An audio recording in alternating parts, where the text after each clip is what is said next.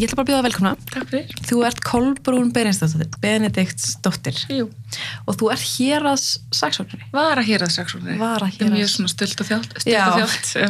Og ég held að margir gerir sér grein fyrir hvað í, þú veist, hvaða felst að vera hér að, eða vara hér að Já. saksóknari.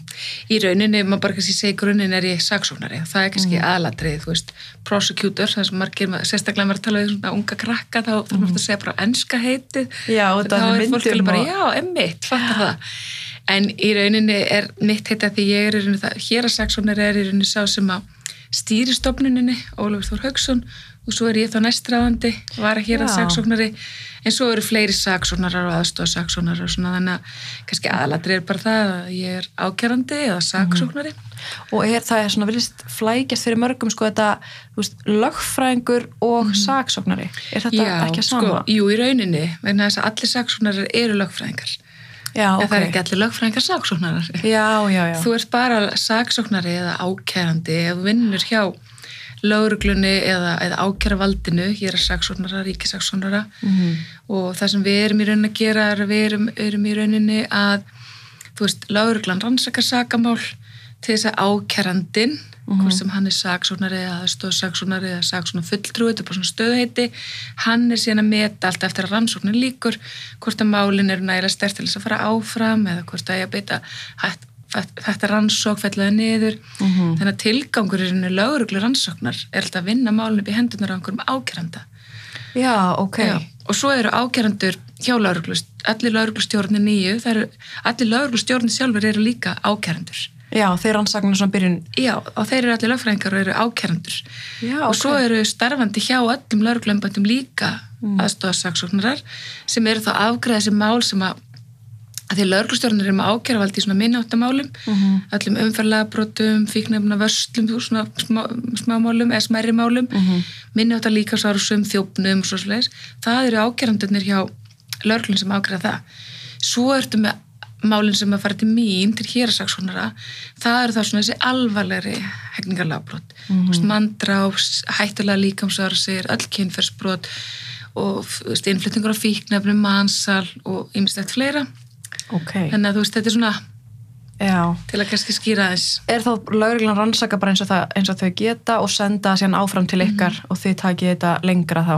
Já, við erum, þú veist, þetta er bara svona ákveðin verkaskipting, þú veist, í lögunum, þannig að öll til, ef maður bara tækir til skinnferðsbrotin og svo ofbeldisbrot út fyrir sviga, þá er það bara hvert lögreglum þeimi sem rannsaka það, ég meina ef að broti gerist í vestmannum, þá er það bara lögstjórni vestmannum sem rannsakar það, þegar það er svo full rannsakað, þá kemur það til mín og, og, og fólksi sem vinnur hjá mér og með mér. Og við erum í þá er að það fyrsta sem við erum alltaf að gera er að fara yfir og, og skoða lögreglustjórn eða fullur um það, telur um máli sem fullur rannsakað. Og við erum alltaf að byrja því að skoða, er það fullur rannsakað? Er búið að gera það sem hægt er að gera í þessu máli? Ef ekki, þá sendum við það tilbaka. Og þá hefur, Já. getum við sendt til fyrirmæli og sagt, heyrðu, það þarf að taka betri skýrsla þessum eða hér er eitthvað vitti sem er ekki búið að tala við eða það vantar hérna sálfræðavottor eða eitthvað svona. En ef að máli er fullur rannsakað þá er rauninni fyrir bara þessi vinna fram að bara að skoða veist, erum við með nægileg sönnunugögn í þessu máli til þess að fara með það áfram eða ekki? Mm og það er svona stærsti hlutin af vinnunni hjá okkur og svo þá að fylgja málum eftir ef það er ákjært Af því að, já, einmitt, þegar, ef það er bara fullur rannsaka mál og þið teljið að vera svona, ok, þetta, þetta er alveg Já. En fer það svo ekki aftur og þarf að fara ekki með einhverja aðra síu? Nei, í raunin er það ekki nema ef við fellum máli niður og það var kannski, ég, ef, ef ég heldur, sérst að tala sem ég heldur sér að tala um, að ef að við fellum máli niður, þá er þetta að kæra þetta ríkisaksona, erst að meina það, það er svona þessi yfirferð. Já. Það er í rauninni, sko, eiginlega stærsta ástæðan fyrir því að við vorum gerðum breytingar á þessu kerfi okkar mm. -hmm.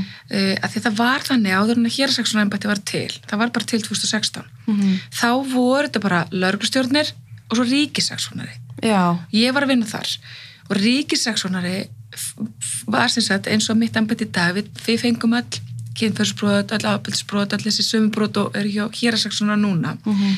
og fluttum þau bæði í héraði og hæstarætti en ef að við feldum niður mál þá var ekkert að kæra það því að ríkisaksóna er bara toppur embætti ríkisaksóna er bara toppurinn á ákjörhaldinu Mhm. þannig að ef að við feldum niður nöðgunumál þá kannst þú ekkert fengið neina endurskoðun á þeirri niðurstöðu sem brotaþóli Mhm. og við svo sem gerðum ég minnst eftir að svona uh, kannski styrka stöðuna eða þess að málsmaðferna ef við fældum niður kynferðsbrot þá var alltaf minnst okkur tveir sem lásu það Mhm. allt málið og, og komist að sömu niðurstöðu eða við vorum á sikkurum skoðuninni þá að þriði eða fjóruði sem lásu málið að við rimdum auðvitað vandi þetta. Mhm. en það var bagalegt, það hafi ekki kærlið og það vandaði og þess vegna í rauninni 2016 eru gerðar þessar breytingar Mhm. og embætti hér er svona stofnað sem að þá, þessi hlutverð sem voru hjá Ríkisans fluttist þangað.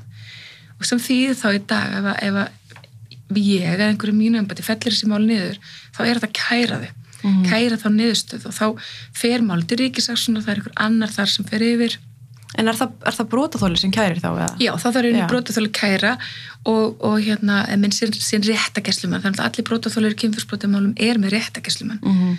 eða ég meina 99% tilvika því að Mhm. fólk á rétt á því, það er bara þér að kostna að lausu og það er nánast alltaf sko.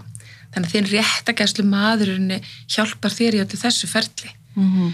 og sko, ég veist bara þetta er svo mikil réttarbót Já. að það sé þessi endurskoðun að því það er bara mjög mikilvægt Mhm. að, að hérna og niðurstaðan er svo sem svo og það er kannski líka alveg eðlilegt e, það er svona kring- milli 80-85% af okkar ég held að sé nú nær 85% af okkar ákvörðunum sem er staðfest Mhm. og það er nú að meina í öllum brotaflokkum en það gerist alveg að þessar ákvörðunar eru feldur á gildi Mhm. að ríkisar segir já, nei, þarna skulum við skoða betur eða annarkoð sendi mála sér við þurfum að þess að rannsaka þetta betur eða þá segir bara, það hefur alveg gerst í nokkrum tilvíkum að við höfum fælt niður mál en ríkisar segir nei, heyrðu, við teljum að þetta sé nægilegt og leggur bara fyrir okkur ákjara Mhm. þá er það bara gerst Mhm. þannig að það er, það er svo gott að hafa hennan Já, Þessa leið. einmitt, einmitt, það er kannski alveg nöðsulegt sko. já, En hversu mörg eins og þú veist, hérna, er það ekki oftast þannig í kynferðsbrotamálum að brotaþóli verður að kæra? nei, sko þetta þú veist þetta er svo mikil, mér finnst þetta svo erfið svona mýta vegna þess að sko það er þannig, bara, það er bara mjög fábrót þannig að fólk þurfi sjálft að kæra Nú, ok. Já, og bara í hegningalögunum að, því við gerum stundum greinamunni á almennum hegningalögum sem eru svona alvarlegustu brotin og það þú veist, að, það getur verið líkansárasir og kynferðsbrotin líka, veist, rán já. og hitta þetta og svo erum við svona sérrefsilög og það er svo umferðlega brot, fíknefnilega brot svona. Almenn hegningalög er bara þannig, það er bara tvö brot þar sem að lögreglan má ekki rannsaka nema líki fyrir kæra og það er húsbrot og minni áttar eignarspill það er eina Ok. þannig að lögreglan á þú veist, lögreglan á alltaf að rannsaka ef hún fær upplýsingar um brot hvort sem hún bara kemur að einhverju sem er í gangi eða fær einhverja upplýsingar eða kemur að einhverju sem er búið að lemja nýri bæ eða eitthvað. Það skiptir einhver máli það á ekki að skipta máli hvort að menn vilja kæra það ekki. Mhm. lögreglan á að rannsaka svona mál. Því að tilgangur með lögreglu rannsóknin er náttúrulega komast að eitthvað gerðist og reyna að finna þann sem braut af sér og hann þarf á þá að sæta veist viðlögum þannig að sko, en auðvitað ef að brotaþóli í kynfyrsbrotamáli vill ekki segja hvað gerðist þá þetta er mjög erfitt ofta að rannsaka málið. Mhm. og það er svolítið þessi munur. Við erum ofta að vinda ofan svona þessum mítum að sko, að ég veit alveg að það gerist þó ég held að því alltaf að gerist í færa tilökum að, að, menn er lendi því að lörgur segja ég get ekkert gert um að þú ætlar að kæra Mhm. það er ekki þannig og þetta er sem ég segja alltaf held ég að minga Mhm. ef að þú ert sem brotaþóli tilbúin að segja lögreglunni hvað gerðist þá þarf ekki að vera að festa sig í einhvern orðhengilsátt að kalla þetta kæru eða ekki kæru því fyrir suma er þetta svo eitthvað svona skref þú getur lína sem þú ert kannski ekki alveg tilbúin að fara yfir Já, einmitt Þú svo mikil ákvörðun. er ég að fara að taka ákvörðum það hvort að við komum til, þú veist, verði sagbortningur, jafnvel demdur, eitthvað svona Mhm. en aðalatri er þetta þú, veist, þú kemur kannski sem brotaþóli á neðamáttökuna þú ert spurð, má ég kalla á já, ég er alveg tilbúin að tala við laurugluna en ég veit ekki hvort ég ætla að kæra það ekki Mhm. en aðalatrið er bara er, ertu tilbúin að segja lauruglunum hvað gerðist ef þú ert tilbúin að segja lauruglunum hvað gerðist þá, þá náttúrulega bara byrjar ákveðin rannsókn Mhm. Það er svo skrítið því var líka með hérna, eins og Helguvölu í viðtali og, og fleiri brotaþóla sem segja sko að það er alltaf þessi spurning hérna, viltu kæra? mm -hmm.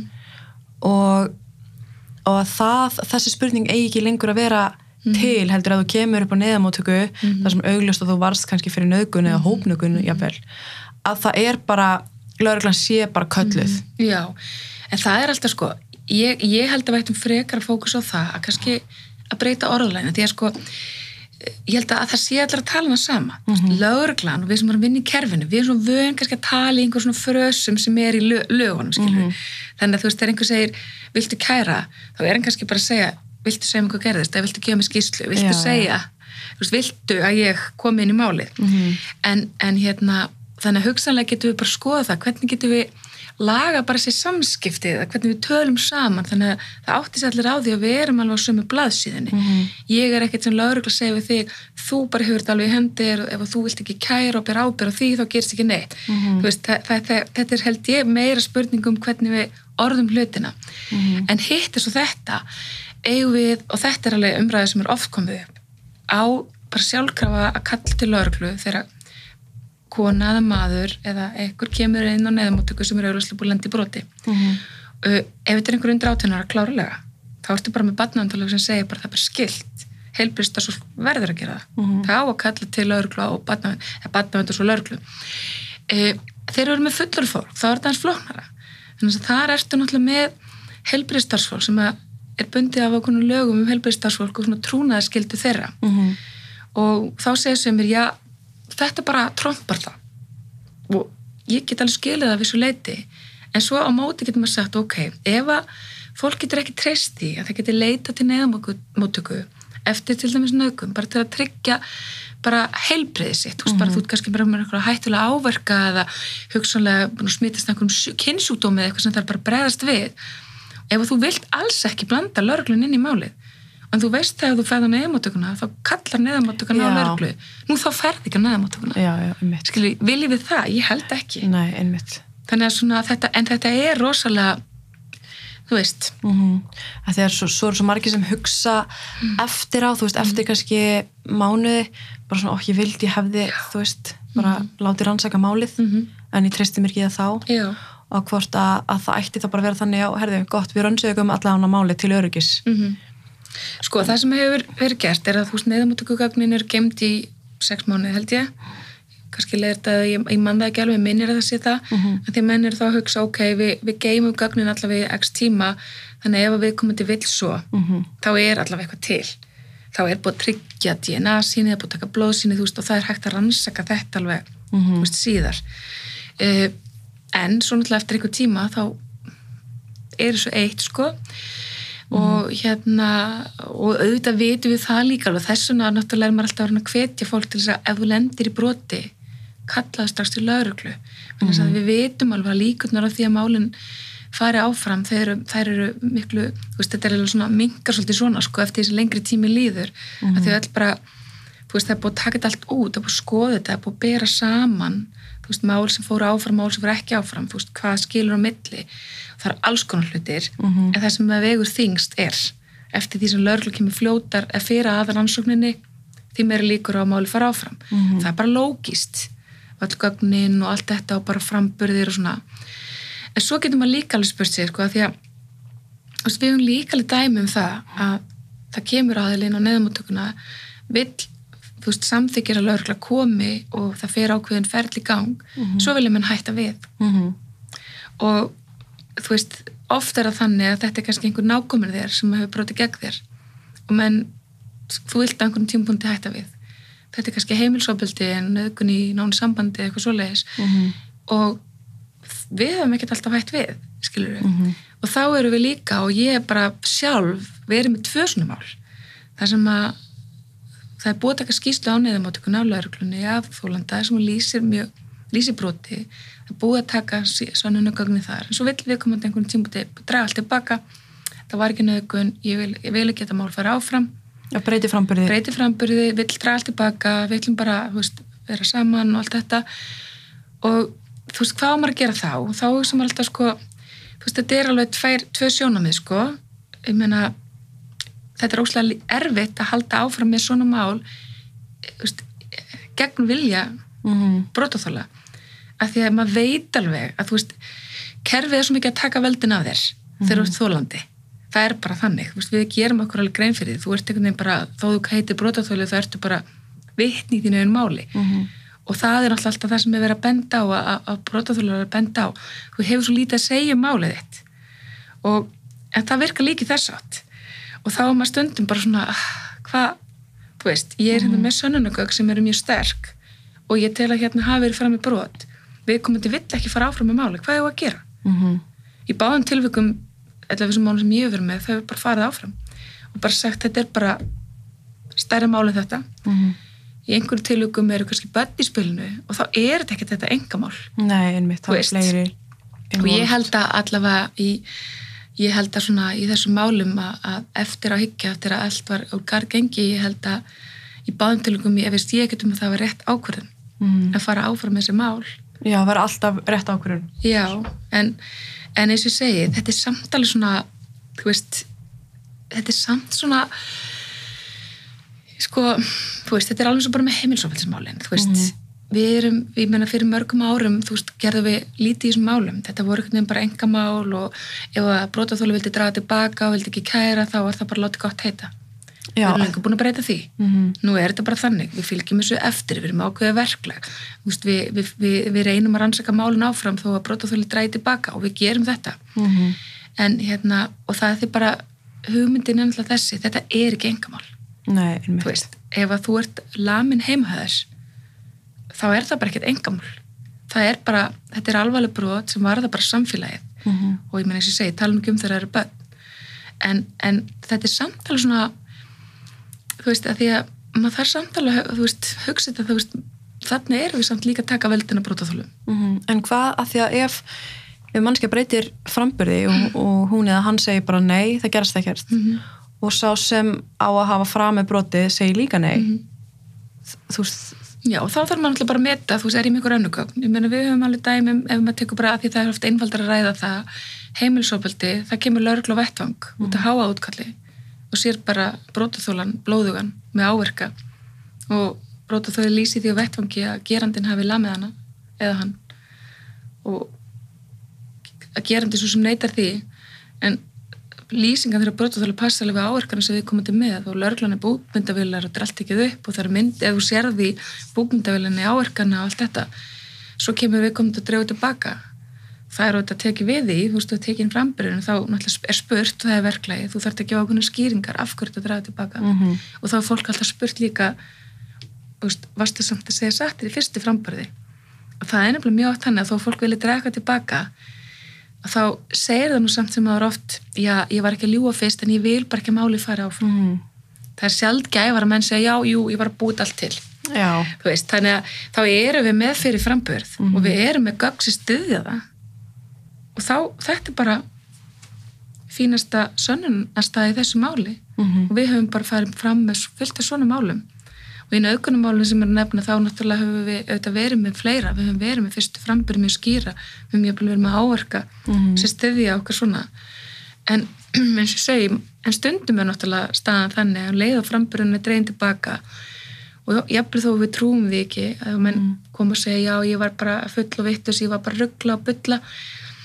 Maður trúir því kannski ekki og maður heldur að eitthvað gerist þarna en þetta kannski skemmir þannig sönnunastöðun að þá komst við ekki áfram með það Mhm. þú veist þannig að það er alveg stundum þannig Mhm. en það er að minnstu kosti það er svona að segja að, að, að því við byrjum að tala með þetta út frá þessu kæru Mhm. við förum alveg áfram með svona mál jafnvel þó leik engin kæra fyrir og jafnvel þó menn vil draga allt tilbaka af því að þú þarft alltaf að horfa bara á sönnunastöðun í málinu Mhm. og það er bara ákveðin brot það alvarlega þú getur ekki samþykkt að verða fyrir því Nei, En hvað eru mörg svona mál uh, þau mál sem eru ef þú kæri fyrir nöðgun Mm. svona hlutfastlega er hvað, hvað fara mörg mál áfram og verða bara þú veist, dæmt já, það er bara allt að fá veist, er eitthvað hlutfall, er þetta bara Já, svona þetta 5%? er, nei, sko, í fyrsta lagi, ég, er svo sem ekki, ég get ekki alveg, ég er ekki með tölvölu í kollin, ég get bara svona sagt cirka bát og það er þá með því fyrirvara, ég man það kannski ekki alveg. En, en sko, í fyrsta lagi er náttúrulega alltaf fyrsta skekkan er svo við veitum alveg að það er ekki allt kært. Mhm. Já, Þú Veist, þannig að ef maður tekur það til hliðar, bara þau mál sem koma til meðferðar. Við vitum þá að það er ekki nema náttúrulega hlutfall. E, þessi mál eru oftast fullaransökuð, af því að þú veist, mörgum öðrum brotaflokkum er alveg algengt að lögregla hætti rannsókn. En í nauðgunumálum er það ekki mjög algengt með margt annað. Þú veist, það er helst í nöðgunumálum að við hættum rannsóknu vel með skerandi finnst ekki það er mm. mjög sjálfgeft að þessi ráðist á brotaþóleikstar og förnum vegi einhverjum algjörlega ókunum hann sér ekki framann í viðkomandi en það gerist Mhm. og stundum er reynd að finna út hver var að verki og við bara finnum ekki út úr því og þá auðvitað hættu við rannsókn Fi- finnum einhvern geranda Mhm. stundum erum við að hætta rannsókna því að það liggur kannski bara mjög ljóst fyrir strax í upphafi að að, uh, að hérna bara lýsingin er kannski þannig að það er bara, já ég er kannski erfitt að taka þetta dæmi en, en svona menn eru kannski ekki að lýsa broti eða ásendisbroti eða einhverju slíku eða kannski kemur bara strax í ljós að, að þetta var bara algjörlega ekki raukum reist. Sakbortningurinn einhver svo, svo þessi mjög skjaldgeft gæti ekki hafa verið á staðnum eða eitthvað svona skilur þannig að það, en þetta er, al, þetta er ekki algengt þannig að það kemur svo sem fyrir í undatekningu tilvægum hættir ansókn Mhm. að málun sem koma til okkar og er ákjart í þetta er kannski hámark 30% sem er ákjart restinni fælt niður sko Mhm. og svo er náttúrulega ákveðin hlut af því sem er svo síkmaði annarkvært Já. í hér að, að landsrétti þannig að þetta trappast alltaf niður og þú veist, en það er en staðan hvernig, að því það eru svo margir sem um, nú veit ég bara, þú veist stelpi sem ég var með í viðtali sem Mm. um, hann, það voru bara öll sönnunagögn og hann fekk dóm en var síðan síknaður í einhverju sí, Landsrétti. já, landsrétti Mm. Og maður skilur ekki alveg af hverju eitthvað mál getur verið fullur ansakað og öll sönnunagögn og tali vera bara hérna, hann, hér, hér er gerandin mm. en síðan Já, þetta er náttúrulega bara, þú veist, eins og ég segi, þú veist, þetta er alltaf spurninginu það, þú veist, fyrsta síðan er náttúrulega hjá okkur. Mhm. Við erum bara bundinu því, það er bara ákveður lögun sem segir, þegar er búið fullrannsaka mál, þá fer ákjörandinu við sönnugögnin og metur hvort að það sem fram er komið sé líklegt eða nægjalegt til sakvellis. Mhm. Það er alltaf svona, hvað þýð það? Þú veist, við þurfum að horfa málinn og við þekkjum náttúrulega sönnunarreglunar og þekkjum dómaframkvæm og við þurfum svolítið að meta, er ég með nóg?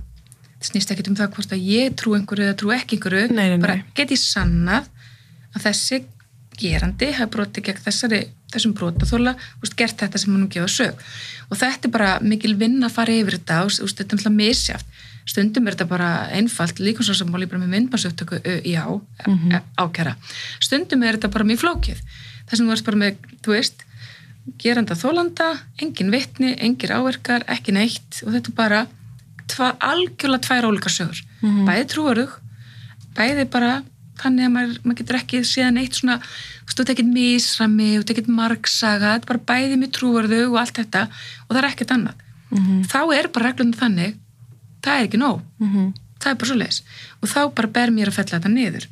Stundum er þetta svona þú veist, svo er maður alltaf velt við sér hvenar er þetta nóg? Mhm. getum við bara sett þetta á 100% kvarða og sagt ok, það þarf að vera 90% líklegt eða það þarf bara að vera 51% líklegt. Það er svona oft mikil umræðan það. Og það er allir sammála um það bæði á Íslandi og Erlendis þessum að í þessum málaflokki það viðkent að mörkin liggi kannski lægra í kynferðsbrotumálum heldur en öðrum málum Mhm. að því ef þetta væri, þú veist, skattalagabrot þar sem öll sönnunagögnin eru bara gögn Mhm. Þú veist, það bara eðlumálsi samkvæmt sko, er kannski mörkin aðeins herri um það hvað er, hvernig er þetta líklegt og hvernig er ekki Mhm. þegar út með kynferðsbrot þar sem að fyrst og fremst sannunagögnin snýst um framburði og mat á trúvarðuleika framburða Mhm. þá leggir þessi mörk bara lægri þannig að þú veist í kynferðsbrotum erum við miklu nær 50% heldur en í mörgum öðrum málflokkum Mhm. En stundum er þetta bara þannig að það er bara borin von. Þú veist, maður trúir alveg eitthvað við gerst Já, en já, það er bara borin von. Ég get bara ekki, þú veist, ég þarf alltaf að hugsa þetta þennan, ok, ef ég ætla að ákæra í þessu máli fyrir svona nögun, hvernig ætla ég að raukst það, að það er að sakvella hvað ætla ég að benda á sem stiður við framburð brotaþóla, frammi við framburð ákæra? Mhm. og ef ég hef null þá verð ég bara að fella máli niður.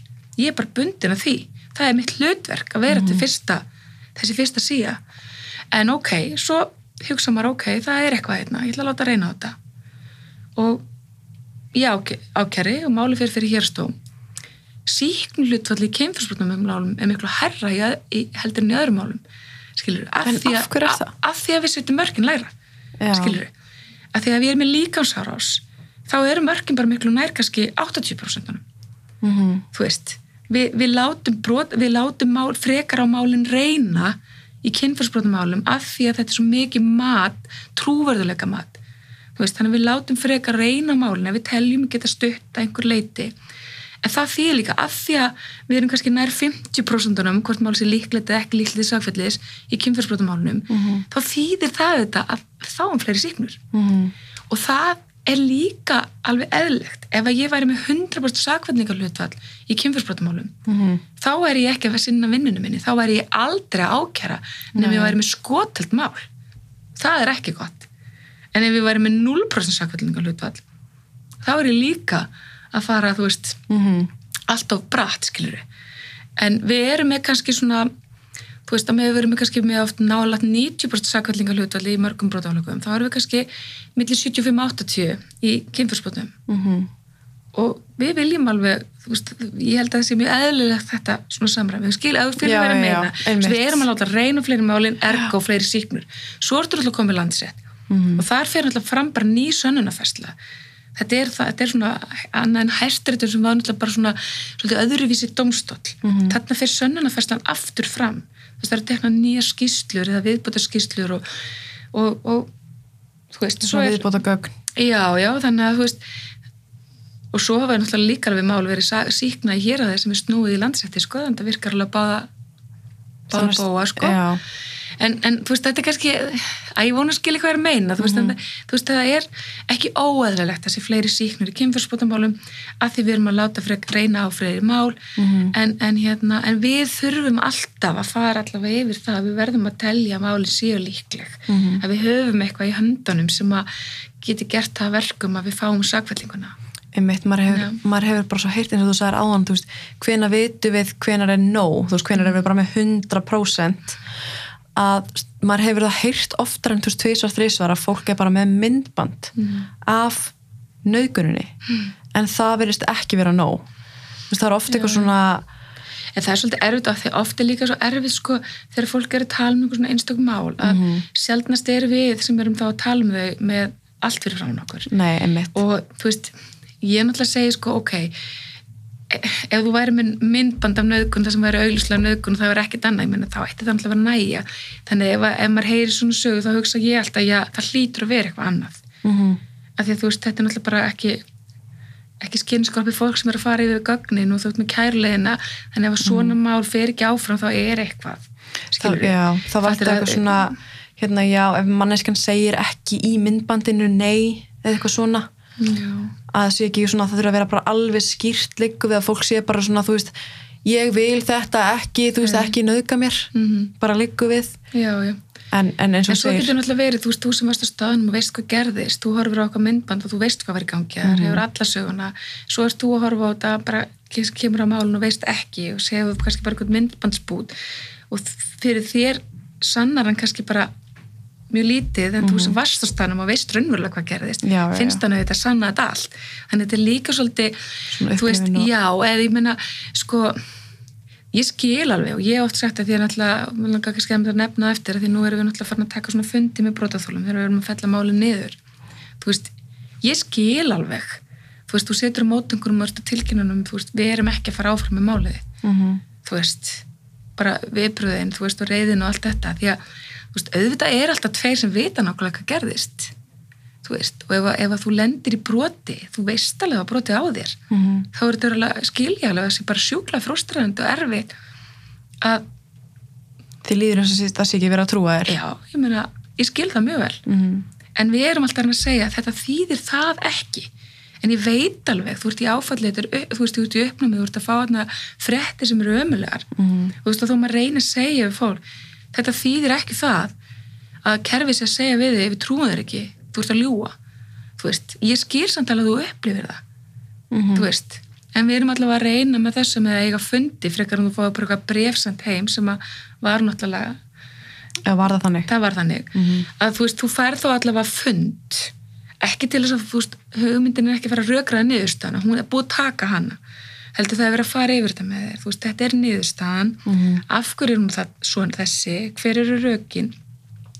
Uh, útskýra kæruleiðina þú veist, og, og ég hveit alltaf fólk til þess að skoða þetta rosalega vel að, að kæra. Mhm. þú veist, fá gögnin í málinu renni yfir þetta og svo ég sé átti brotaþóla ég meina þú þekkir þetta best.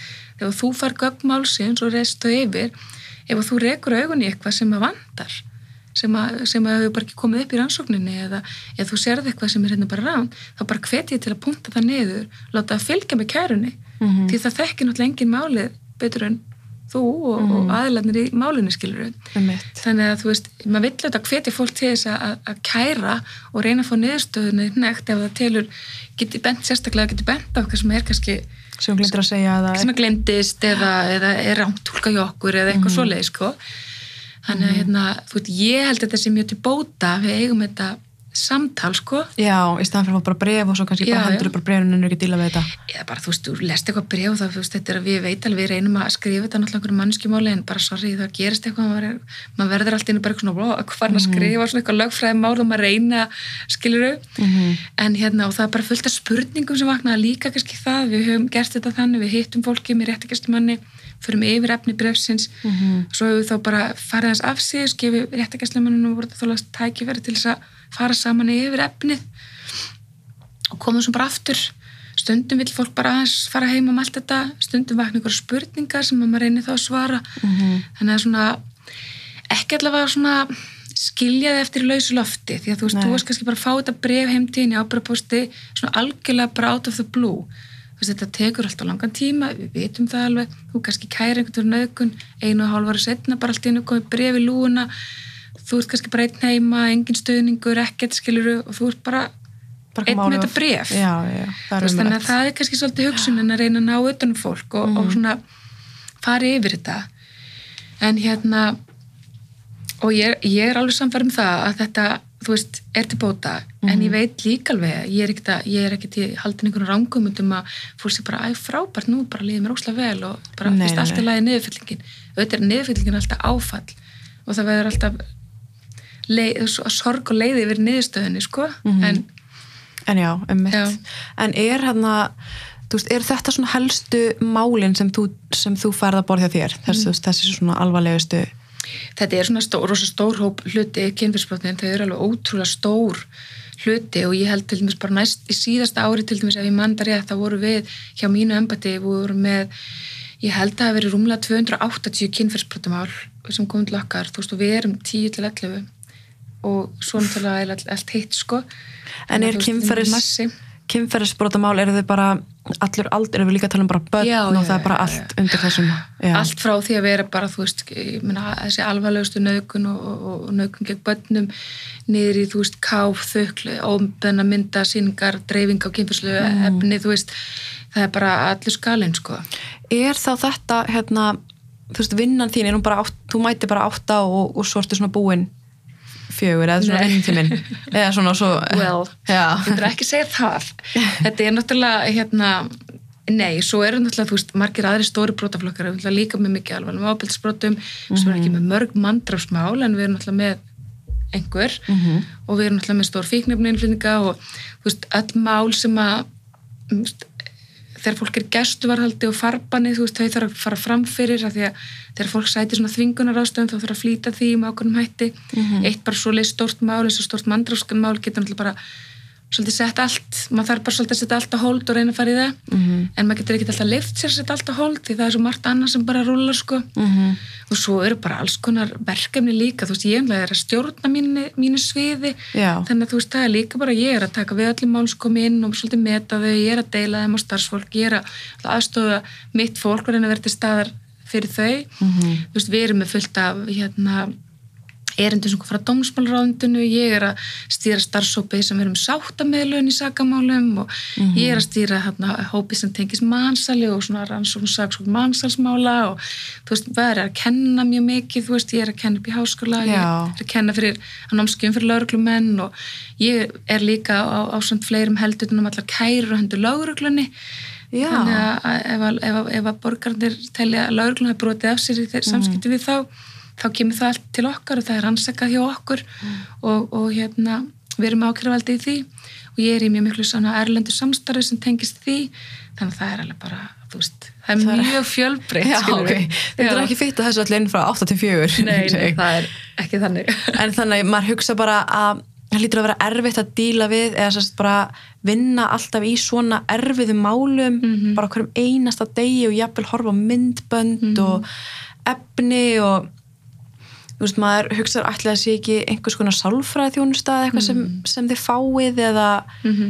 þú veist, eru þið í einhverju svona hvað segir maður, einhverju svona Sálgæslu. Já, Já, sko þetta er í rauninni er það alveg til bóða, þetta er ótrúlega fyndið, ég myndi að skulle segja þetta, það er ekki rosalega langt síðan að það fóru verið bóði og hérna það hefur alltaf verið svona þeir sem er að vinna eitthvað mjög lauruglunni að skoða barnanísefni, þeir fá bara svona og þú veist, það ánáttúrulega bara vera svona mandatóri, þú veist, ef þú þarft að sita heilan dag og skoða barnanísefni, þú veist, þá átt þú bara að fara í þú veist, sálfræði viðtal já, þetta er samt svolítið fyndið, eða ekki fyndið en ef það var eitthvað tíma kom fram á svona stóri ráðstöfn sem var haldin hér á landi meðal annars svona rannsóknar á batnanísefni þá, mér var svolítið gott sko, var, ég held að það hefði verið frá Hollandi deildin þar, þeir eru með svona deild á landsvísin rannsaka svona stór hérna, mannsarsmál og svona stór batnanísmál sem ná svona, svona ringir og svona. Og þeir sögðu bara, ef þú ert að skoða batnanísefn á netinu, þú ert búinn þá þarf það að fyrir tetris í tvo tíma. Bara, What? já, mér finnst þetta svo magna það er bara, þetta er bara skilda fyrir utan alltaf sálgæsluna að fara í vitul og svona. Það er bara, það fyrsta sem þú gerir eftir að þú ert búin að horfa á þetta tetris í tvo tíma. Þú verður bara, Já, þeir bara- að þú þarf bara að hreinsa sko. Mhm, en við, þetta, þetta hefur verið í bóði bæði þegar ég var hjá ríkisaksónu þá er þetta svona tekið upp og hefur verið núna hjá hérasaksónura en við erum bjóðum starfsfólkinu upp á ákveðinu sjálfsfærið þjónustu þannig að fólk á rétt ákveðum x mörgum tímum á ári en það er ekki þannig að þú setur skildaður í það. Nei, nei, nei. Þú veist, en þú, að það geta allir og, og embættið, þú veist, vinnuveitandinn fara ekki að vita út af hverju þú getur alveg ákveð að nýta þér þetta bara því að það er erfitt heima eða whatever, það skiptir ok. ekki máli. Nei, en þú átt rétt á x mörgum vitur með ári og ef að það er mat meðfæraðalans að þú þurfi fleiri þá er fleiri tímar í bóði mhm, og þú veist að því ég hef svo oft sagt sko ég held að það sem gerist það er, það það ýmislegt sem getur gerst. Þú veist það getur ég held að þeir sem að get ekki unnið þetta starf ég held að sjá það mjög fljótlega. Mhm, þú veist ef þú bara meikar þetta ekki og þú getur ekki tekið þetta út úr hugunum að þér og hægt að hugsa um þetta og setja þetta í ákveð bókstur fyrir heimtíðin Mhm. þá, þá hættur þú fljótlega. Það er bara þannig. ég held að þetta sé frekar svolítið það að við verðum of hörð þú veist, það er miklu meiri finnst mér svona hættumerkin. Mhm, og þú veist, ég þurft alveg smá tíma að fatta þetta sjálf.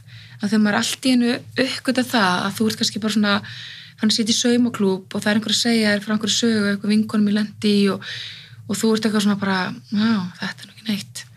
Já. þá er maður komin, ok, wow, hérna þarf ég að stoppa. Þegar maður er kannski búin að sjá svo margt rosalega ljótt að maður er kannski farin að hætta að kippa sér upp eitthvað sem er smávægilegt. smávægilegt. Þá verður maður að stoppa að því maður þarf auðvitað alltaf að hugsa þetta smávægilega brot er náttúrulega ekki smávægilegt fyrir þennan þólanda Mhm. þetta er bara stóra máli þitt. Og þetta finnst mér og ég hef svolítið talað fyrir um þetta bara innan þú veist, kerfisins, við þurfum að passa þetta að við megum ekki gleyma því að þó við sem búin að sjá svona ljótur hluti Mhm. að það breytir það ekki að svona ljótur hlutur er líka alvarlegur. Mhm. og við megum ekki láta fólki finna fyrir því að okkur finnst þetta eitthvað ómerkilegt. Nei, og maður þarf að passa það. Og líka bara sem manneskja, jafnvel þú passið rosa vel að láta ekki fólk finna fyrir því að maður það kannski fara alls að velta fyrir sér þegar svona hlutir eru hættir að snerta mann. Þú veist, þá er maður ámar að fara að hætta. Mhm, og þess vegna segi ég alveg ég get alveg skilið vinnun eftir í vinnunni og ég er ekki alltaf að hugsa um þessa ljótu hluti. En um leið og ég fer að lesa yfir eitthvað mál og það snertir ekki eitthvað hérna þá ætla ég að hætta skilur Mhm. þú veist, ég hef alveg ennþá lendi bara, þú veist, að lesa yfir viðtöl og vera bara, þú veist, þurft bara að býta á jakslinn sko, eða hlusta frambyrði í réttasæla sem að maður er bara alveg að fara að gráta sko. Mhm. og þá hugsa maður bara sem betur fer þú veist, því að þú vilt ekki alveg tapa mennskunni sko. Nei, en ætlum að sé ekki smá hrættur við það? Jú, jú. að hérna, þú veist, hvað ef einn daginn er mér bara svona, ég er án svo, svo samdun að þessu og vönu sig að maður bara svona Mhm. einhvern veginn En- já, já, ég en- veit ekki hvað maður getur gert í þessu, ég held bara nei, þú veist, einhvern tímann kom ég hérna að vera mörgum ára kom einhverjur lögreglumenn frá bandaríkunum frá FBI, voru að halda svona fyrirlistur upp í lögregluskóla fyrir lögreglu og ágjörundur um svona rannsókn kynfyrsbrota þeir sögðu bara, þá engin að rannsaka kynfyrsbrot eða verið kynfyrsbrotamálum lengur um fimm ár.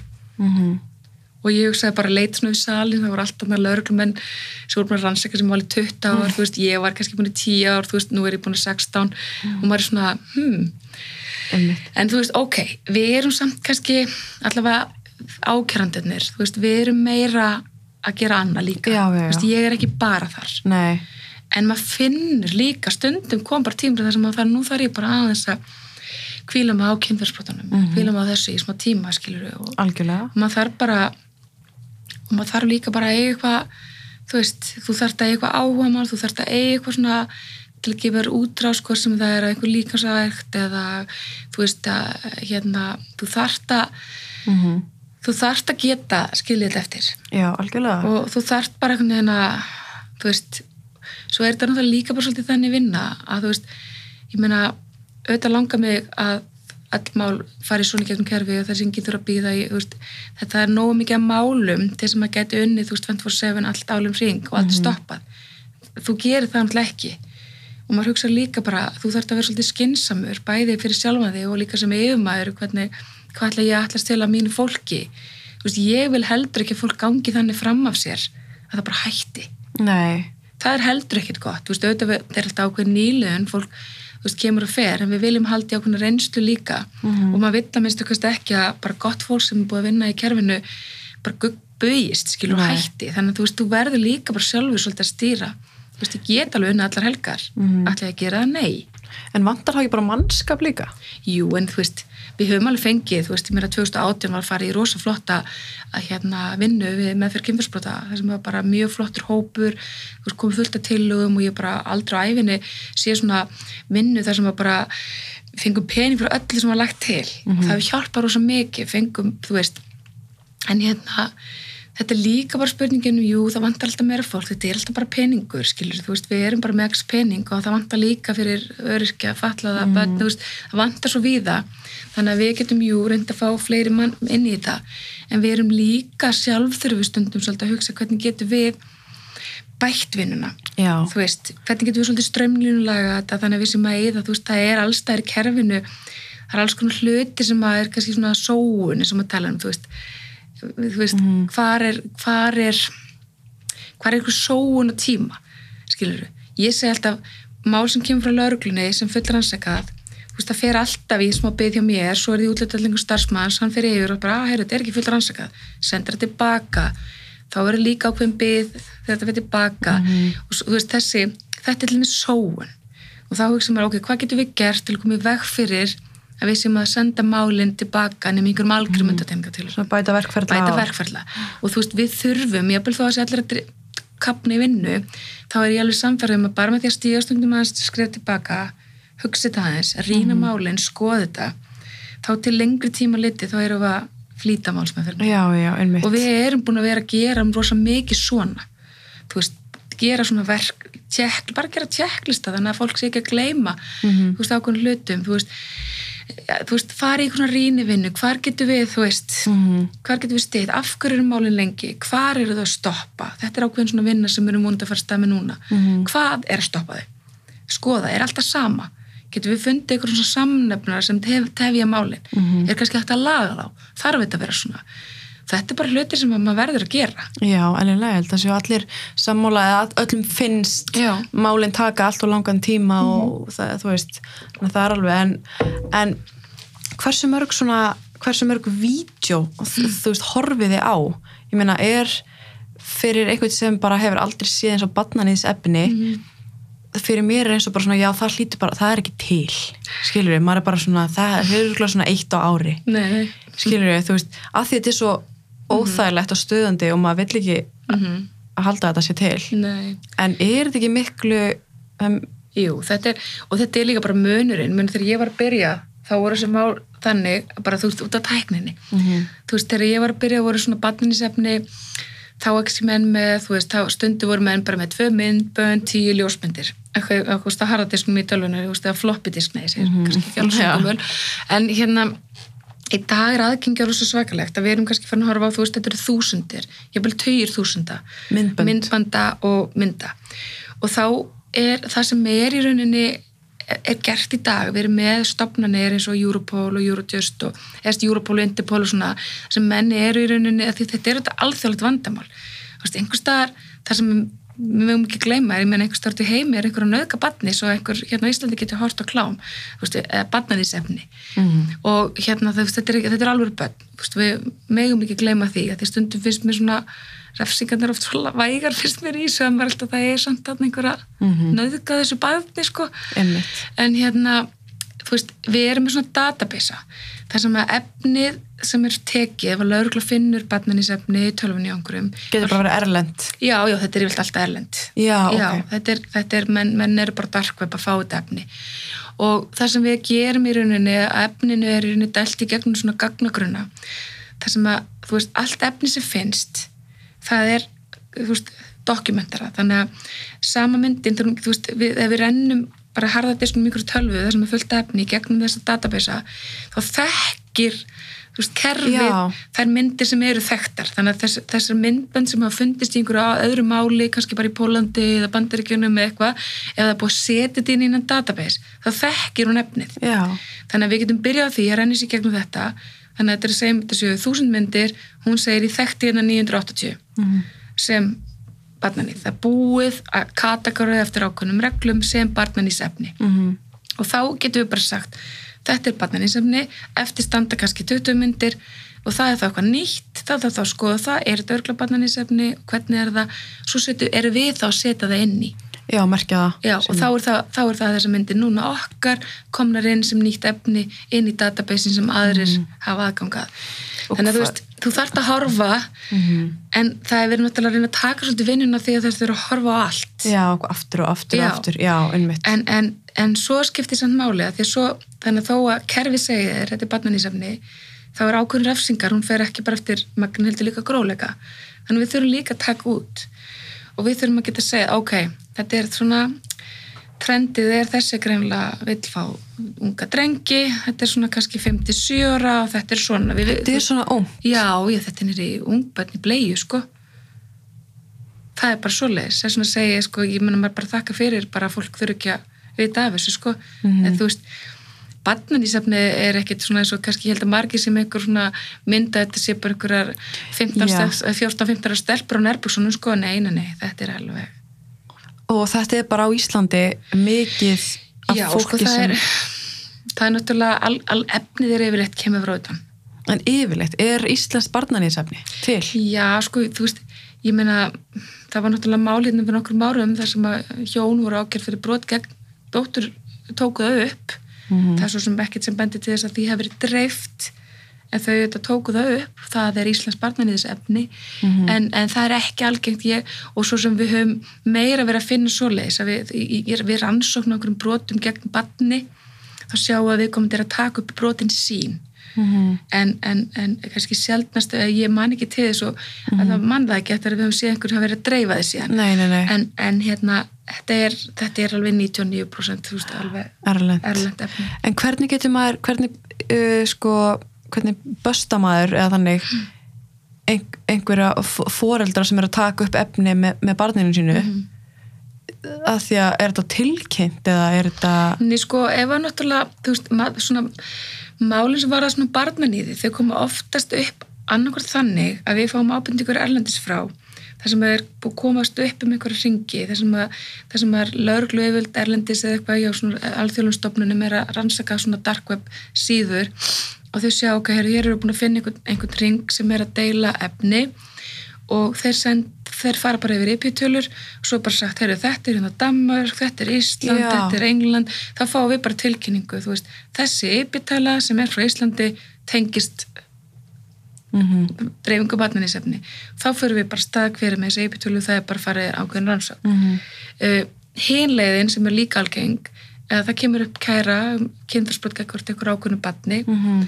og það sem er alltaf gert í svolítið tilvíkum ef við erum að rannsaka eitthvað, er alltaf tekna tölvunar Já, og það er orðið mjög algengt að, að það finnist barnanísefni í tölvum hjá einhverjum sem er svo hugsanlega þá líka brjóta gegn einhverju barni. Mhm. ekkert endilega myndir af þessu barni nei, nei, nei en, bara já. þú veist þannig að þetta er svona algengustu leiðin annarkvært ábendingar um það frá erlendisfráð frá kannski að það sem að íslensk ypitölur hafa komið upp eða þá við finnum þetta þegar við erum að rannsaka annur brot.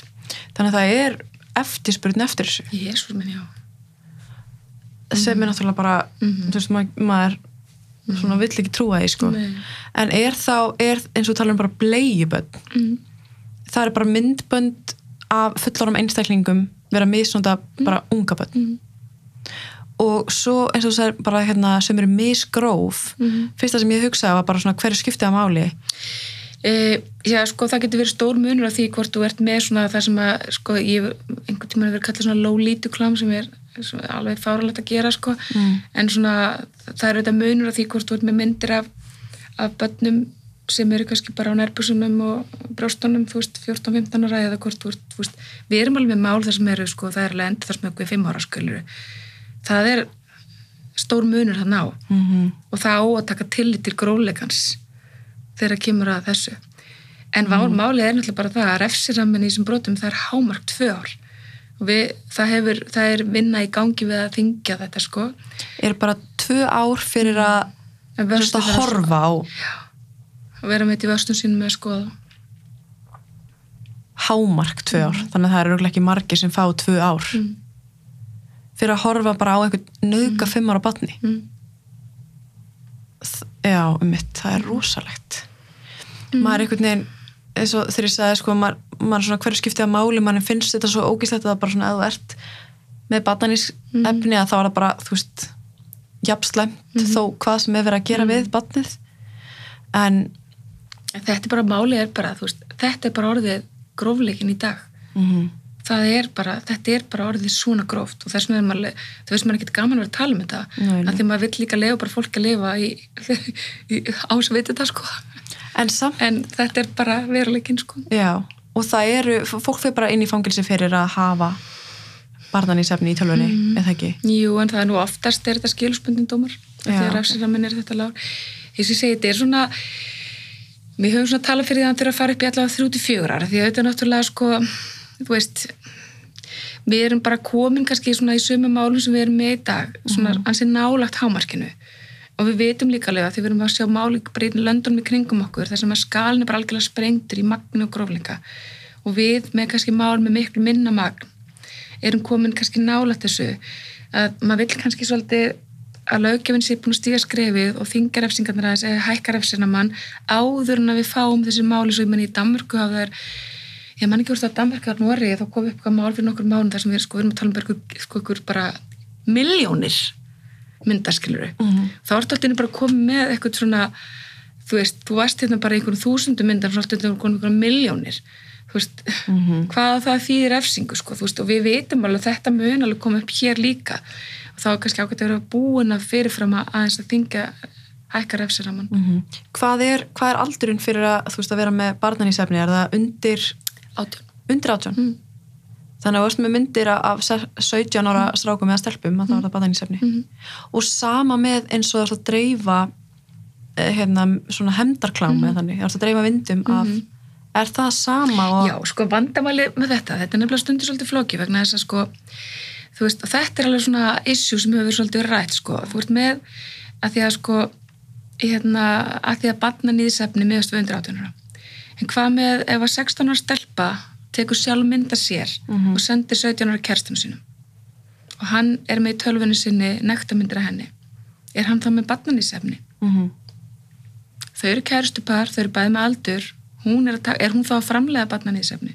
einmitt, hún er sakæð, hún er orðin 15 við höfum ekki farið þá leið nei og þetta er alveg sérstætt álitefni og hefur alveg verið rætt þú veist á grundulega á Evropus ráðsinn sem er með svona þessa samninga sem er meðalans verið að taka á svona batnænisefnum og þetta kallast bara svona self-generated efni.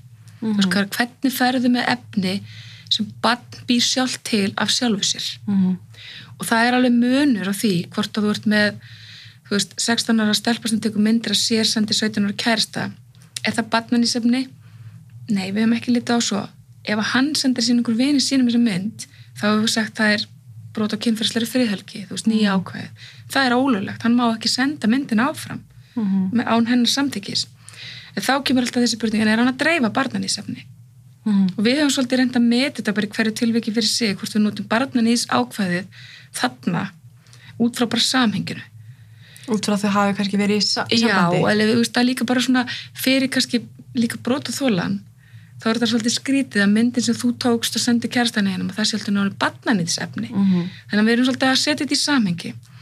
En svo getur kannski allt annað átt við með þess að sömu 16 stelpu sem fær kannski einhverja bara beðnum frá einhvern 30 ára gauði sem hún þekkir ekki neitt sem er að hamast í henni, bara sendu mig minn sendu mig minn, nei, ég vil ekki, jú, sendu, sendu. Og þú endur hún lætur undan og sendur hún um einhverja myndaðir hugsalega myndum að skoða það að, ákjara hann fyrir vörstur og barnin í sefni þú þarft svolítið að setja þetta í samhengi. Mm -hmm. þú veist, þetta er stundum ekki alveg einfalt. En hvað ef, þannig að það færa kannski líka svolítið eftir aldrei sem ef þau væru Mm. ólíklegt, en ef, ef hún væri 17 og, og hann væri 28, næstu í 30 og þau væri í sambandi. Þá myndum við líklega ekki ef hann er ekki að dreifi svo og er ekki eitthvað neyðana til að gera þetta en eitt svoleiðis. Að því að ég meina 16 ára stelpa hún má vera í kynfyrirsambandi við einhvern 28 ára. Mm -hmm. það er svona 58 ára.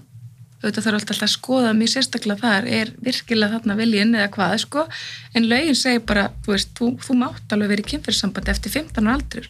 Mm -hmm. og ef þú ert 16 ára og þú vilt taka mynda þér og senda þér um kærstæðum þá máttu bara gera það.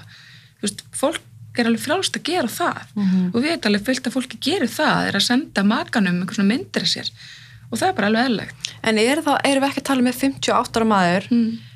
ef hann er með 16-17 ára stelpu er, erum við þá ekkert farin að tala um barnakinn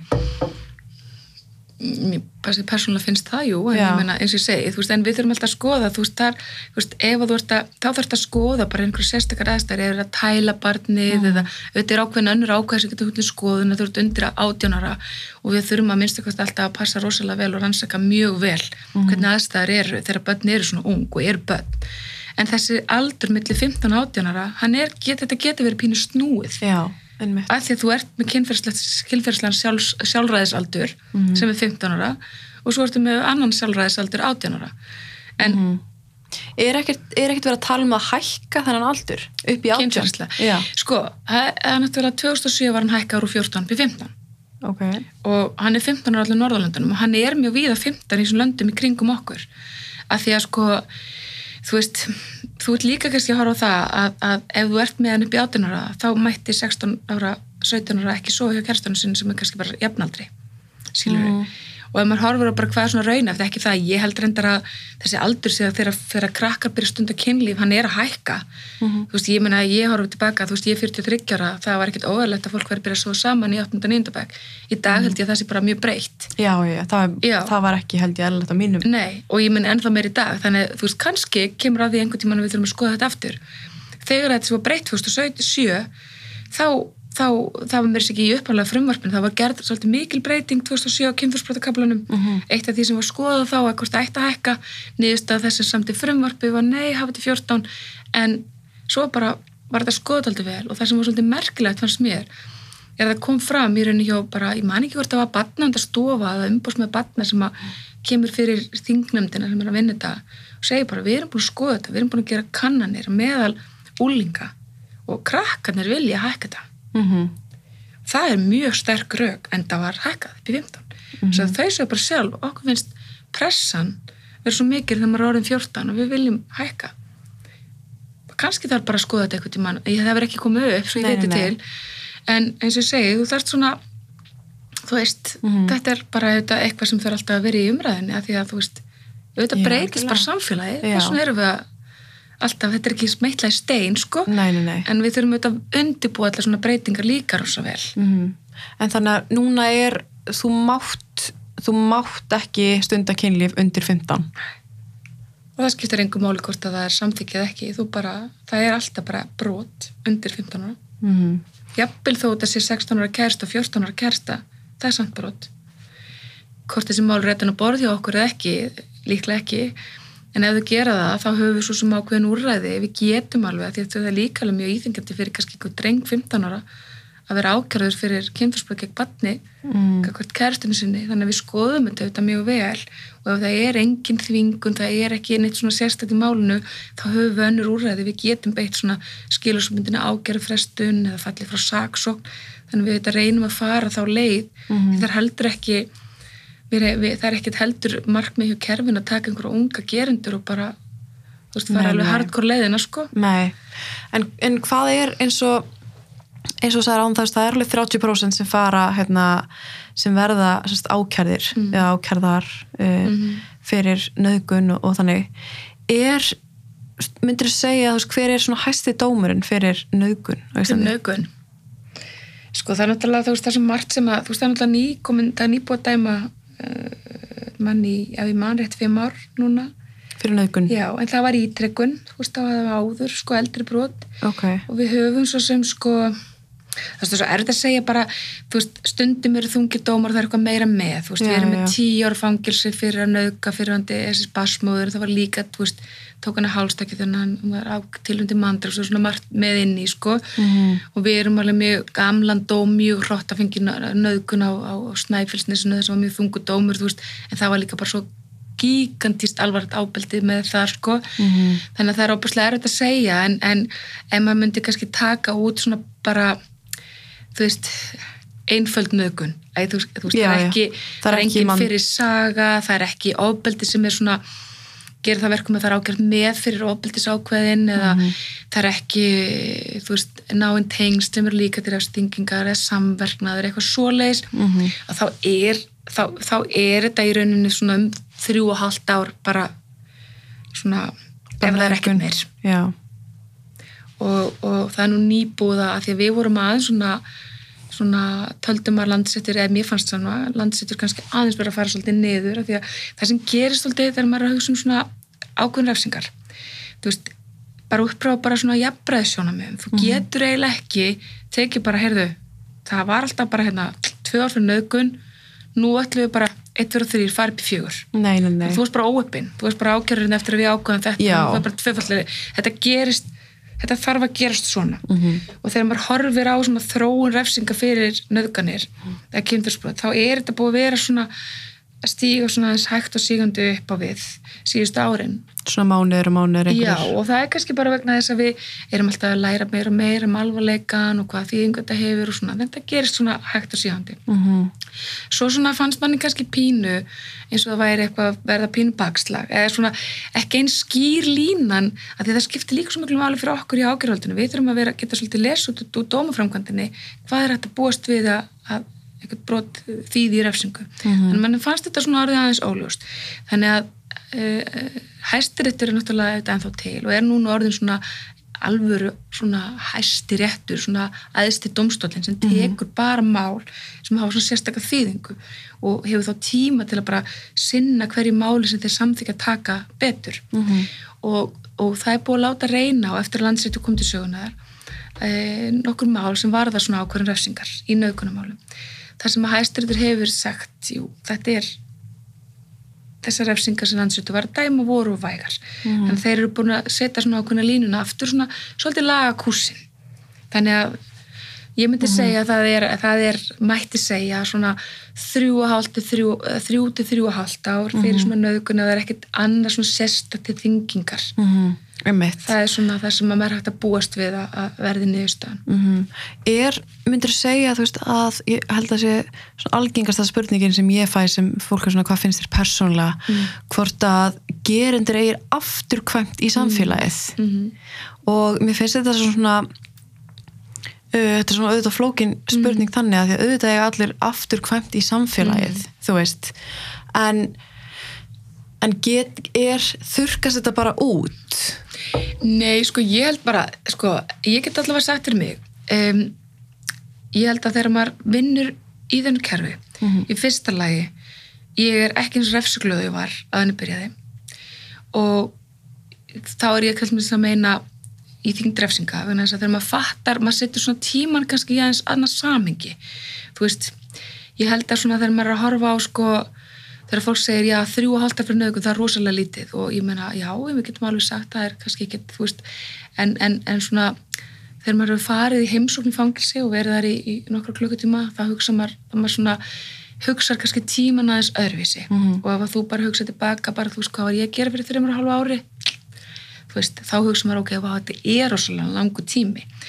Og það er svolítið erfitt einhvern veginn líka alltaf að hugsa sko við getum kannski ekki alveg hugsað þannig að, að því að sko sásikinn hjá þeim sem verður fyrir brotinu þú veist, refsingin munu þetta aldrei bæta það Mhm. skilur, þannig ég kannski meira og ég, meina, ég veit alveg að líf og, og vanlíðanin og við, þú veist, allt sem brotafölum verður fyrir er með þetta miklu mikilvægur og me, meira verði heldur en ykkur mánuður eða þrjú ári eða hvað það er skilur Mhm. maður getur kannski ekki alveg hugsað þetta svoleiðis Nei. maður er miklu frekar, ég hugsa þetta miklu frekar þannig ég vil að við notum hennan tíma sem fólk fer í fangilsi til að byggja fólkið upp Mhm. menn þess að þú segir, fólk kemur alltaf tilbaka það fólk fer í fangilsi alveg saman hvað er langur tími það kemur alltaf að þeim tímpunkt að það kemur tilbaka Mhm. og þá finnst maður alltaf að hugsa frekar hvað ætlum við að gera til þess að gera það verkum að það sé, þú getur komið tilbaka og verið betri manneskja Mhm. Þú veist, ef þú setur í fangilsi að því þú braust kynfærslega gegn einhverjum eða þú landir einhvern eða, eða þú, þú ert bara varst í mjög miklu neyslu og varst að framagna einhver fíknum við viljum einhvern veginn að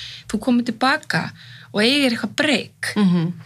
og mér finnst við heldur kannski ekki með að ruggla saman að fyrirgefa einhverjum eða taka Nei. við honum aftur út í samfélagi þú getur alveg tekið einhverjum tilbaka út í samfélagið en þú ert ekki þar með sagt að þú setja fyrirgefa hann gerði eitthvað. Hann var sakveldi fyrir það, hann er búin að setja af sér það er ekki þannig að þetta sé alveg bara búið og að það er ekki að fara upp á svið aftur. nei, nei, en ég meina sko, veist, en, en við þurfum samt bara sem samfélag þetta, þú veist, að, að hugsa ok, ætlum við bara að segja þú mátt ekki vinna aftur eða þú mátt ekki vera vinna, skilur, þetta er ekki þannig svo er þetta náttúrulega bara fólk Mhm. og þetta er bara fólk sem á foreldra og maka og börn og Mhm. þú veist og ég segi líka bara það þú þarft líka sem gerandin, hann verður alltaf einhverja von Mhm. Þú veist, hann verður að eiga einhverja von þú veist, að, að bara geta skilur þú veist, þetta gerðist, þú Mhm. berð ábyrða á þessu, allt þetta en, en ég held að segja, ef, við- ef við tökum einhvern veginn vonin af fólki þá erum við á vondu stað Mhm. skilur svo verður náttúrulega bara hver og einn svolítið að gera það upp í sig ætla ég að tala við þið aftur Mhm. eða ekki, eða ætla ég að þú veist, ef þú ert farin að vinna á kassa hérna ætla ég fara annað, eða að því að við Já, getum já. heldur ekki sett þetta í það sammingi að tala um þetta út frá einhverjum frægum. Nei, nei, nei. oppin er ekki frægur, skilur við en við verðum að hafa sem reglurnar alltaf þú veist, og ég menna, ég get alveg sagt ok, hérna, hann Jón hérna sem er nýlslappun fangilsi fyrir þú veist, eitthvað brot hann er bara farin að vinna hérna kjötborun í hagkaup. Ég ætla bara ekki að fara þangað þegar hann er að vinna. já. en ætla ég að segja, ég vil samt að ekki að vinna þarna? Nei. það er svolítið munur. Já, þannig að sko, algjörlega. Ég, ég held að þetta, eins og þetta með hérna, uh, að fólki finnst þrjú ár kannski lítið, ég held að snúist líka kannski um það að fólk svona, þetta er svona viðukenning fyrir mann sjálfan hversu alvarlegt Mhm. þú ert að meta broti mitt. Mhm. Þú veist, af hverju fekk ég, af hverju segir bara þessi mánur, Mhm. en vinkona minn fekk á, þú veist. það Þannig að, Já, þess er svo hættulegt að við ætlum að fara að mæla sásuka þólandana í, í lengt fangilsisrafsingar. Mhm.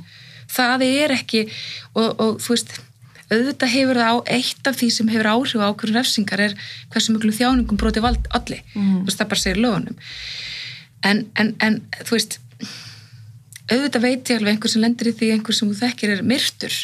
Þú veist, fyrir þér er 16 ára ekki neitt mm, en 16 ára er samt náttúrulega langu tími skilur, þú veist, en, en, en, við, við erum ekki að segja með því að dæmi einhvern í 16 ára fangilsi fyrir manndráp erum við ekki að segja, já okkur veist bara líf svona eins og myrtur bara 16 ára verði, þú veist Nei. en ég skilu þetta alveg fólk upplifi þetta svona. Mm, en, en, en það er svo sem ekki hugsunin með nei, refsingunni skilur þú veist, og ég hugsa alltaf viljum við frekar fara í bandarinska kerfi þar sem að menn eru bara dæmdir í þú veist, ævilangt fangilsi eða 300 ár fangilsi eða eitthvað svona sko. Þú veist, að því ég er alveg hort á líka hina hliðina þar sem þú veist kannski með mannisku sem er dæmd fyrir mjög alvarlegt brot gegn banninu sínu og bannið er leiðast yfir því að pappi sé að fara í fangilsi þú veist, að við setjum þetta í þetta. Því bann sem er misnotað það þykir, þykir alveg væntum pappa sinn, það veit bara brotin hætti það vilja kannski alls ekki fari, að, pappin fari í fangilsi hann mun samt gera það en þannig verður líka ekki þetta í þetta samhengi. Mm, þannig að þú veist, já það þurfa náttúrulega klála að vera líka úrræði fyrir gerendi þegar að koma út, sko. algjörlega. Og maður sér þetta stundum á hérna, TikTok og miðlum þar sem fólk er að taka vídeo af einhverju sem hefur kannski sittið inni og sagt, heyrðu hann er hér, Já, hvað er hann að gera hér? ja. og þá er maður svona að hugsa, þú veist auðvitað er hann, þú veist hann mm mað, þú veist, fólk verður að koma aftur og, og stunda líkamsrætt og það verður að koma og fá vesli í matinn. -hmm. og þá er kannski hægt að, ok, hann fer alltaf í þessa búið, ég ætla að fara í þessa. Já, já, en, en svo er það annað þegar fólk spyr sko eiga gerendur afturkvæmt þegar þetta er einhver frægur Mm. að svona hafa ekki stjórn á því að þú sért kannski að hlusta Já. en þú getur auðvitað alltaf að skipta um stöð. Já, já, en allt þetta sko, hérna átt að labba á auðlýsingaskildi mm að ég veit það. Í staðin fyrir að reyna að geta stjórna og hérna, ég held ég sé alveg sammála því að að fólk þurfa ekkert að koma aftur kannski í sviðisljós og vera þú veist, utan í, utan í þólendum sko. Nei, nei. en En þetta er bara svona flókið. Mm og það er svona að segja, sko, veist, þetta er alveg alltaf eitthvað sem að, þú veist, bara við sem samfélag þurfum auðvitað bara svolítið að ræða og ákveða. Mhm. og svo er þetta líka ekki svolítið spurningin, veist, við erum alltaf bara að fara í gegnum tíma sem er bara svona byltingakendir -hmm. þú veist, og það er alveg eðli byltinga að það, er, það fer allt bara í, veist, hérna upp, sko Mhm. ég, þú veist, og því mér það bara, ef maður hugsa bara um bara, bara síðustu ár, frá 2017 bara vá, hvað margt búið að gerast Mhm. þú veist, þetta er ekkert annað en bylting bylting er náttúrulega hún er oft sársökufull og það er kannski ekkit, eð- ekkit óæðilegt að það verði, þú veist, að fari allt hingað upp, en svo kannski náum við líka einhverjum svona jafnvægi, Mhm. þú veist, sem samfélag þú veist, Bara í umræðina, því að þú veist það er ekkert, þú veist, þess að segja, það er fullt af hlutum sem hafa verið sagt og bá, þú veist, að báða bóaskiluru að fara í hástemdar umræðu, sko Mhm. mér finnst alltaf svona, þú veist, maður fagnar umræðin en maður vill að fólk geti tala saman svona, þú veist, bara í róleitunum, þú veist, ve veltu upp alls konar sjónarhornum Mhm. og hérna, og hérna, svo þurfum við náttúrulega að ná okkur lendingu sem samfélag, hvernig viljum við hafa þetta Mhm. Og það er refs, réttafslega sem ákveða það. Nei, þú veist, mál fari gegnum kerfið eða ekki og þú veist, það fer einhvern, kemur einhvern niðurstað en svo er það svolítið okkar sem samfélag ákveða hvað ætlum við að gera svo. Mhm. og það er bara, og svo flækist þetta kannski svolítið mikið hérna, að því núna erum við náttúrulega að lifa tíminn þar sem social media er svo ótrúlega st- bara mikið og stórt að eins og ég sá um daginn það var hérna maður sem satt inni fyrir morð og það fór hérna að- strákurinn hitti strákin sem hafði framið morðið á einhverjum náskildum og dreifði því bara út um allt. Og ég man ég sá þetta og ég bara náði ekki utan um það hvað mér fannst um þetta.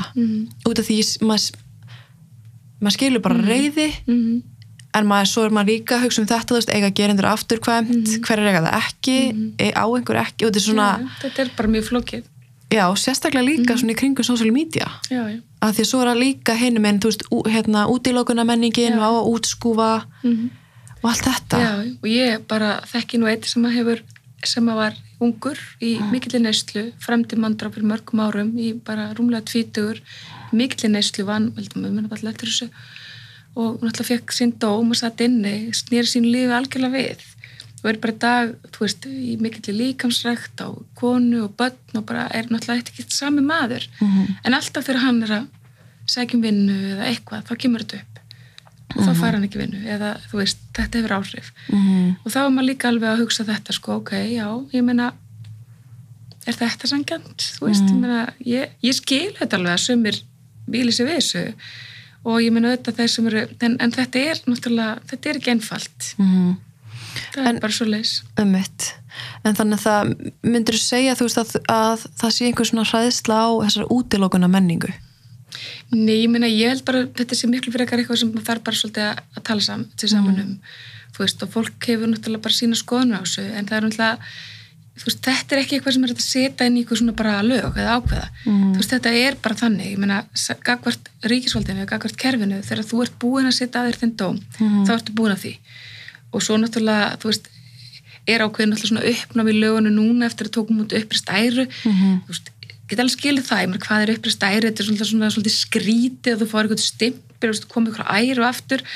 Þú veist, fyrir mér er það bara eitthvað sem maður vinnur sér inn sko, Mhm. en, en, en, en að móti kemur að það, það hangir þá svolítið í lausu lofti ákveðin atrið sem það er að klára Mhm. þú veist, máttu þá bara aldrei bjóða þig fram á þing eða máttu, veist, þannig að það er ákveðin svona borgarlega réttindi sem á eftir að svona útkljá það er eitthvað svona sem er útkljað bara af, af, af alþingi Mhm. en svo er hitt sem er meira bara svona hvað viljum við sem samfélag Mhm.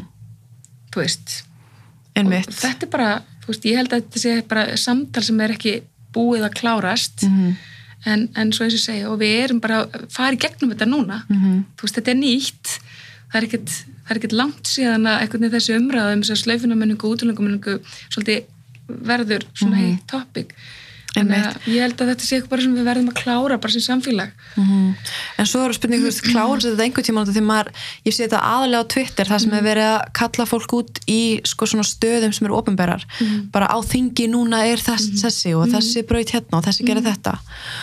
Og ég maður setjum stundum heima og svo að hugsa bara svona hvað, þú veist, hvernig verður þetta hvað, Já, hvað já. gerist það, hvað á að gera ég þetta, meina, kannski setur maður þetta líka svolítið í þannig, samhengi sko að þegar maður vinnur í þessu veit hvað þetta er algengt að ég held að það er svolítið erfitt ef við ætlaðum ekki að tala við neitt eða samskiptum við neitt sem hefur einhvern tíma gert eitthvað af sér Mhm. af því það er bara svolítið stór hópu sko en, en eins og ég segi veist, það, ég veit það ekki persónlega er ég þar að við eigum að það þurfa allir eiga von og það eiga allir að geta komið tilbaka Mhm. en hérna það er ekki það með sagt að ég vilja að hver sem er geti fara að vinna með börnum eða það sem ykkur hætta, skilur við þetta setjum ákveðin mörg en, en hérna þú veist, þannig að við getum kannski ekki heldur sett eina algjölda reglu fyrir alla. Nei, og kannski að- mikilvægt líka að skilgarina þetta hver, hver eru dónar og hver eru kynferðis afbróta menn sko já, já. en þetta er eitthvað svona bara finnst mér meira svona samfélagslegt þú veist, þetta er ekki eitthvað sem að þú veist, það er að setja svona eitthvað niður nérfa einhver lög eða reglur sko. Mm er bara, og verður auðvitað aldrei samljúmur um, þú veist, Nei, verður nei. alltaf skipta skoðanir, Nei, það er bara þannig En upp, upplifur aldrei að, hérna, að þetta verði ómikið, bara starfið og... Jú, jú, auðvitað, þú veist, ég meina, Mhm. stundum með maður bara, ó, nú það maður bara aðeins að, Mm þú veist, hlaða batterín, sko. og farið crossfit og... Já, crossfit. Þú ert í crossfit, eða Já, ekki? og bara, þú veist, það er bara nöðslegt, sko. Mhm. Það er crossfit og mjög líka bara prjóna. Já. Jésús, mér finnst þetta bara svona algjörlega, ég er bara komin að það, ég bara finna það, ég held að maður svona, það er svona bara, Mhm. mín svona sen, sko, bara. Ég er alltaf að pústla, sko. Það er svona mitt. einmitt, ég ger það líka. Er það? Já, það er bara algjörlega heila, þú veist, svona bara deikt og maður getur bara svona aðeins, Mm, svona smá, eins og þegar þú sagði tetris á hann. Já. Svona, já, bara pústla, maður bara algjörlega Nákvæmlega, sónar út, sko. sónar út. það er bara mjög gott Mm og held ég líka maður þurfi líka bara svona þess að hlusta á þú veist líka manna því að þú veist þú þarf líka bara svona að vera þú veist, þú mátt heldur ekki upplega þannig að þú veist alltaf brjála að gera, maður þarf svolítið að velja að hafna. Og ég er fyrir löngu búin að segja ok, ég ætla ekki að vinna um helgarnir minna eða þess -hmm. og þá þarf maður bara svolítið að vera harður og segja bara ég get alveg unna allar helgar.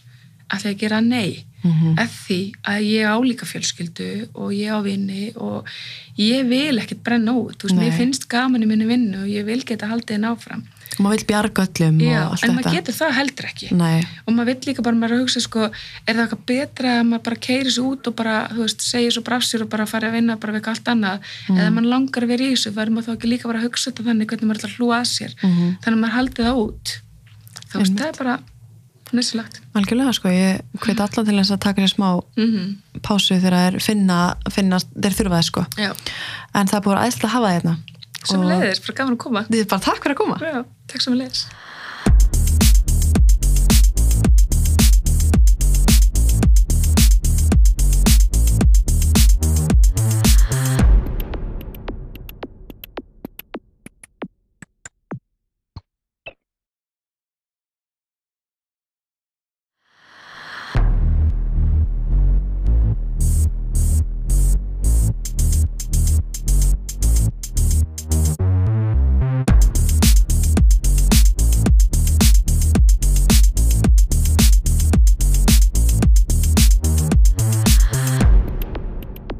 Ég ætla bara að bjóða velkomna. Takk fyrir Þú ert Kolbrún Benediktsdóttir, Jú, og þú ert hér að saksóknari. vara hér að saksóknari Vara Það er mjög héraðs- svona stöld og þjátt Já.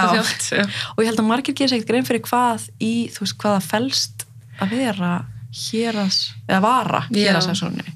í rauninni, maður bara kannski segi grunninn er ég saksóknari og það er kannski mm. aðalatrið, þú veist, prosecutor það sem margir, sérstaklega maður tala við svona unga krakka, þá þarf maður að segja bara enska heitið, Já, og þá er fólk alveg bara, og- já, emmitt, fattar það en í rauninni er mitt heita því ég er í rauninni það, hér að saksóknari er í rauninni sá sem að stýri stofnuninni, Ólafur Þór Haugsson og svo er ég þá næstræðandi var að hér að Já. saksóknari en svo eru fleiri saksóknarar og aðstofa saksóknarar og svona þannig að kannski aðalatri er bara það að ég er ákjærandi eða saksóknari Og er það er svona viljast flækjast fyrir mörgum sko þetta, þú veist, lögfræðingur og saksóknari. Er þetta ekki að sama? sko, jú, í rauninni vegna þess að allir saksóknarar eru lögfræðingar já, en ok. það er ekki allir lögfræðingar saksóknarar Já, já, já. þú ert bara saksóknari eða ákærandi ef þú vinnur hjá lauruglunni eða, eða ákjæravaldinu, hér er saksónara, ríkisaksónara Mhm.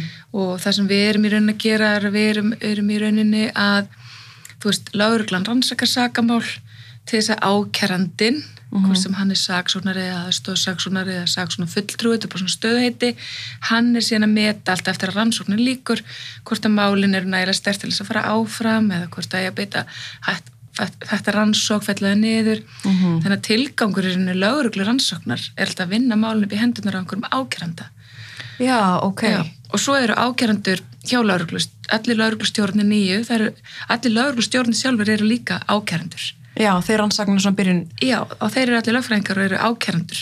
Já, og svo eru starfandi hjá öllum lauruglömbandum líka Mm. aðstofasaksóknarar sem eru þá að afgræða þessi mál sem að, að því lauruglustjórnir eru með ákjæravaldi í svona minnáttamálum, Mhm. öllum umferðlagabrotum, fíknefna vörslum, svona smá, smámálum eða smærri málum, Mhm.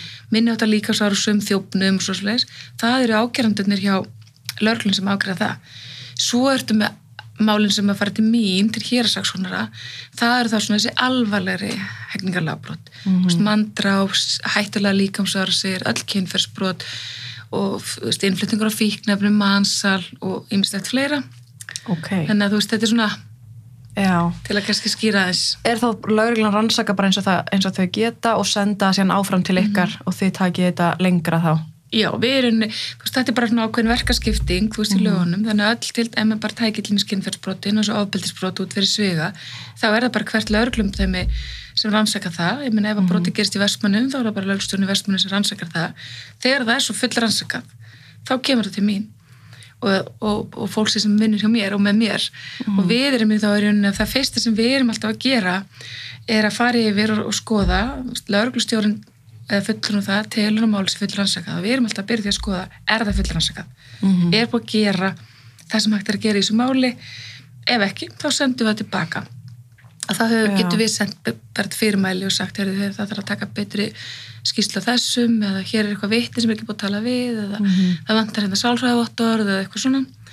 En ef að máli er fullur rannsakað þá er rauninni fyrir bara þessi vinna fram að bara að skoða veist, erum við með nægileg sönnunagögn í þessu máli til þess að fara með það áfram eða ekki? Mm og það er svona stærsti hlutin af vinnunni hjá okkur og svo þá að fylgja málum eftir ef það er ákjært Af því að, já, einmitt, þegar, ef það er bara fullur rannsaka mál og þið teljið að vera svona, ok, þetta, þetta er alveg Já. En fer það svo ekki aftur og þarf að fara í gegnum einhverja aðra síu? Nei, í raunin er það ekki nema ef við fellum máli niður og það var kannski, ég, ef, ef við heldum, sérst að tala sem ég heldur sér að tala um, að ef við fellum máli niður, þá er þetta að kæra þetta ríkisaksona, erst að meina það, það er svona þessi yfirferð. Já. Það er í rauninni, sko, eiginlega stærsta ástæðan fyrir því að við vorum gerðum breytingar á þessu kerfi okkar Mhm.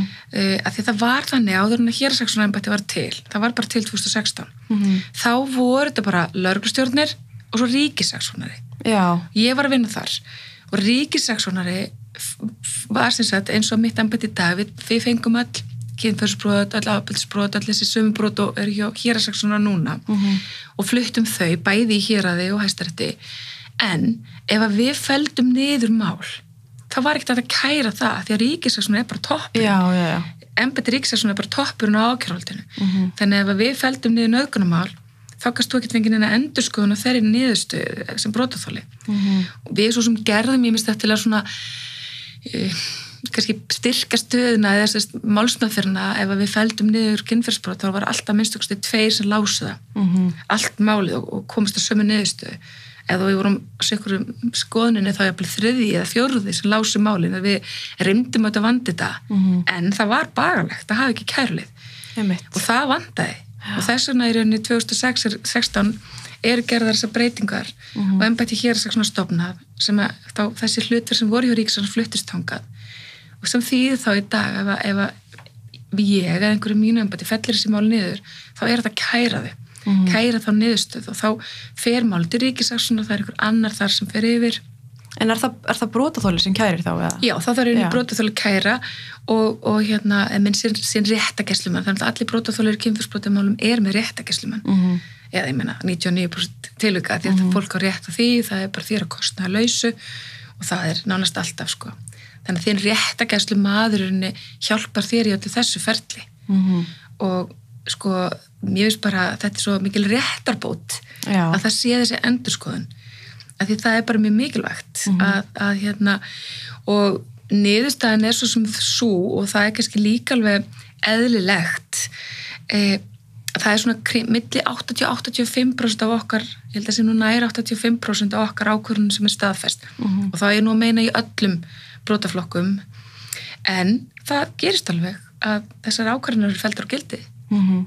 að ríkisar segir já, nei, þarna skulum við skoða betur eða annarkoð sendi mála segir við þurfum að þess að rannsaka þetta betur eða þá segir bara, það hefur alveg gerst í nokkrum tilvíkum að við höfum fælt niður mál en ríkisar segir nei, heyrðu, við teljum að þetta sé nægilegt og leggur bara fyrir okkur ákjara Mhm. þá er það bara gerst Mhm. þannig að það er, það er svo gott að hafa hennan Já, einmitt, einmitt, það er kannski alveg nöðsulegt sko. En hversu mörg eins og þú veist, hérna, er það ekki oftast þannig í kynferðsbrota málum að brotaþóli verður að kæra? nei, sko þetta þú veist, þetta er svo mikil mér finnst þetta svo erfið svona mýta vegna þess að sko, það er þannig bara, það er bara mjög fábrót þannig að fólk þurfi sjálft að kæra Nú, ok. Já, og bara í hegningalögunum að, því við gerum stundin greinamunni á almennum hegningalögum sem eru svona alvarlegustu brotin og það er, veist, að, það getur verið líkansárasir og kynferðsbrotin líka, þú veist, rán hegningur já. og hitta þetta og svo erum við svona sérrefsilög og það er svo umferðlega brot, fíknefnilega brot svona. Almenn hegningalög er bara þannig, það er bara tvö brot þar sem að lögreglan má ekki rannsaka nema líki fyrir kæra og það er húsbrot og minni áttar eignarspill það er eina Ok.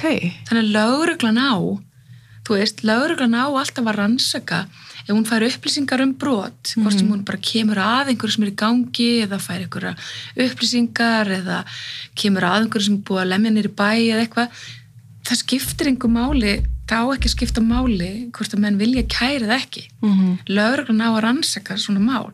Því að tilgangur með lögreglu rannsóknin er náttúrulega komast að í hvað gerðist og reyna að finna þann sem braut af sér og hann þarf á þá að sæta, þú veist, viðlögum þannig að sko, en auðvitað ef að brotaþóli í kynfærsbrotamáli vill ekki segja hvað gerðist þá auðvitað er mjög erfitt ofta að rannsaka málið. Mhm. og það er svolítið þessi munur. Við erum ofta að vinda ofan og, og svona þessum mítum að sko, að ég veit alveg að það gerist þó ég held að því alltaf að gerast í færa tilökum að, að, að, að menn er að lendi því að lörgur segja ég get ekkert gert um að þú ætlar að kæra Mhm. það er ekki þannig og þetta er sem ég segja alltaf held ég að minga Mhm. ef að þú ert sem brotaþóli tilbúin að segja lögreglunni hvað gerðist þá þarf ekki að vera að festa sig í einhvern orðhengilsátt að kalla þetta kæru eða ekki kæru því fyrir suma er þetta svo eitthvað svona skref svona lína sem þú ert kannski ekki alveg tilbúin að fara yfir Já, einmitt Þú svo mikil ákvörðun. er ég að fara að taka ákvörðum það hvort að við komum til, þú veist, verði sagbortningur, jafnvel dæmdur eitthvað svona Mhm. en aðalatri er þetta þú, veist, þú kemur kannski sem brotaþóli á neðamáttökuna þú ert spurð, má ég kalla á hérna laurugluna sem er hérna á vaktinni og þú segir kannski já, ég er alveg tilbúin að tala við laurugluna en ég veit ekki hvort ég ætla að kæra það ekki Mhm. en aðalatrið er bara er, ertu tilbúin að segja lauruglunum hvað gerðist ef þú ert tilbúin að segja lauruglunum hvað gerðist þá, þá náttúrulega bara byrjar á hvernig rannsókn Mhm. Það er svo skrítið því ég var líka með hérna, eins og helguvölu í viðtali og, og fleiri brotaþóla sem segja sko að það er alltaf þessi spurning hérna, viltu kæra? mm -hmm. og, og að það, þessi spurning eigi ekki lengur að vera til heldur að þú kemur upp á neðamótöku þar sem augljóst að þú varst kannski fyrir nögun eða hópnögun jafnvel að það er bara, lögreglan sé bara kölluð. Já, en það er alltaf sko, ég, ég held að við ættum frekar fókus á það, að kannski að breyta orðlæna, því að sko ég held að það sé allir að tala um það sama. Mm -hmm. lögreglan og við sem erum að vinna í kerfinu við erum svona vön kannski að tala í einhver svona frösum sem er í lög, lögunum, skilur þannig að þú veist, þegar einhver segir, viltu kæra? þá er hann kannski bara að segja, viltu segja mig hvað gerðist, eða viltu gefa mig skýrslu, viltu Já, já. segja veist, viltu að ég komi inn í málið Mhm. en, en hérna þannig að hugsanlega getum við bara skoða það hvernig getum við laga bara sér samskiptið hvernig við tölum saman þannig að það átti sér allir á því að við erum alveg á sömu blaðsíðinni Mhm. ég er ekkert sem lögregla að segja við þig þú bara hefur þetta alveg í hendir ef þú vilt ekki kæra og bera ábyrð á því þá gerist ekki neitt Mhm. Þú veist, það, það, það, þetta er held ég meira spurning um hvernig við orðum hlutina Mhm. en hitt er svo þetta eigum við, og þetta er alveg umræði sem er oft komið upp á bara sjálfkrafa að kalla til lögreglu þegar kona eða maður eða einhver kemur inn á neðamóttöku sem er auðvitað búið lendi broti. Mhm. uh, ef þetta er einhver undir átjónara klárlega þá ertu bara með barnaðandalög sem segja bara það er bara skilt heilbrist að svo verður að gera það. Mhm. það á að kalla til lauruglu og barnaðand og svo lauruglu e, þeir eru með fullur fólk þá er þetta eins flóknara. Þannig að þar ertu náttúrulega með heilbriðstarfsfólk sem að er bundið af okkur lögum um heilbriðstarfsfólk og trúnaðarskildu þeirra. Mhm. og þá segir sem mér, já, þetta bara trompar það. Og ég get alveg skilið það við svo leiti en svo á móti getur maður sagt, ok, ef að fólk getur ekki treyst í að það getur leita til neðamóttöku eftir til dæmis nögum, bara til að tryggja bara heilbriðið sitt, þú veist, bara þú ert kannski bara með hættulega áverka eða hugsanlega smitast einhverjum kynnsjúdómi eða eitthvað sem það er bara að bregðast við ef þú vilt alls ekki blanda lörglun inn í málið en þú veist þegar þú ferð á neðamáttökuna þá kallar neðamáttökuna á Já. lörglu nú þá ferð ekki neðamáttökuna já, já, skilji, viljið við það? Ég held ekki. Nei, þannig að svona þetta, en þetta er rosalega þú veist. Mm að þegar svo, svo eru svo margir sem hugsa eftir á, þú veist, eftir kannski mánuði, bara svona okk ég vildi ég hefði, þú veist, bara látið rannsaka málið, Mhm. en ég treysti mér ekki það þá. Já, og hvort að, að það ætti þá bara að vera þannig, já, herðu, gott, við rannsögum allavega málið til öryggis. Mm sko það sem hefur verið gert er að þú veist neðamáttökugagnin eru gemd í sex mánuði held ég. Kannski leir þetta að ég, ég man það ekki alveg minnir að það sé það, Mhm. að því menn eru þá að hugsa ok, við, við geymum gagnin allavega í x tíma þannig ef við komum til vill svo mm þá er allavega eitthvað til. Þá er búið að tryggja DNA síni það er búið að taka blóð síni, þú veist, og það er hægt að rannsaka þetta alveg, Mhm. þú veist, síðar. Uh, en svo náttúrulega eftir einhver tíma þá er þessu eitt, sko. Og hérna og auðvitað vitum við það líka alveg. Þessuna náttúrulega er maður alltaf að hvetja fólk til þess að ef þú lendir í broti kallaði strax til lauruglu mm -hmm. við vitum alveg að líkurnar á því að málinn fari áfram þær eru, þær eru miklu, veist, þetta er alveg svona mingar svolítið svona, sko, eftir þessi lengri tími líður. Að því öll bara þú veist, það er búið að taka þetta allt út, það er búið að skoða þetta það er búið að bera saman veist, mál sem fóru áfram, mál sem fóru ekki áfram veist, hvað skilur á milli. Það er alls konar hlutir, en það sem að vegur þingst er, eftir því sem lörglu kemur fljótar, eða fyrir aðan ansókninni því meira líkur á að máli fara áfram. Það er bara lógist öll gögnin og allt þetta og bara framburðir og svona. En svo getur maður líka alveg spurt sér sko, að því að veist, við höfum líka alveg dæmi um það að það kemur aðeilin á neðamáttökuna vill, þú veist, samþykir að lögregla komi og það fer ákveðin ferli gang, svo vilja mann hætta við. -hmm. og þú veist, oft er það þannig að þetta er kannski einhver nákomur þér sem hefur brotið gegn þér. Og menn, þú vilt að einhvern tímpúndi hætta við. Þetta er kannski heimilsofbeldi en auðgun í nánu sambandi eitthvað svoleiðis. Og við hefum ekkert alltaf hætt við skilur við, og þá eru við líka og ég er bara sjálf verið með tvö svona mál. Þar sem að það er búið að taka skýslu á neðamáttökun af lauruglunni af þólanda sem lýsir mjög lýsir broti, það er búið að taka svonunugögni þar, en svo vill við komandi einhvern tíma að draga allt tilbaka. Það var ekki nögun, ég vil, ég vil ekki að mál fara áfram, að breyti framburði. Breyti framburði vill draga allt tilbaka, við viljum bara veist, vera saman og allt þetta. Og þú veist, hvað á maður að gera þá? Þá maður alltaf sko þú veist, þetta er alveg tvær, tvö sjónamið sko. Ég meina þetta er óslega erfitt að halda áfram með svona mál þú veist, gegn vilja mm -hmm. brotaþóla af því að maður veit alveg að þú veist, kerfið er svo mikið að taka veldin af þér þegar þú ert þólandi það er bara þannig, veist, við gerum okkur alveg grein fyrir því, þú ert einhvern veginn bara þó þú heitir brotaþóli þá ertu bara vitni í þínu einu máli. Og það er alltaf það sem er verið að benda á að, brotaþóli er að benda á. Þú hefur svo lítið að segja um málið þitt. Og en það virkar líki þess átt og þá er maður stundum bara svona ah, hvað, þú veist, ég er hérna með sönnunagögg sem eru mjög sterk og ég tel að hérna hafi verið fram í brot. Við komum til vill ekki fara áfram með máli hvað er það að gera? Mm Í báðum tilvikum, eða þessum málum sem ég hefur verið með, þau hefur bara farið áfram og bara sagt þetta er bara stærri máli en þetta.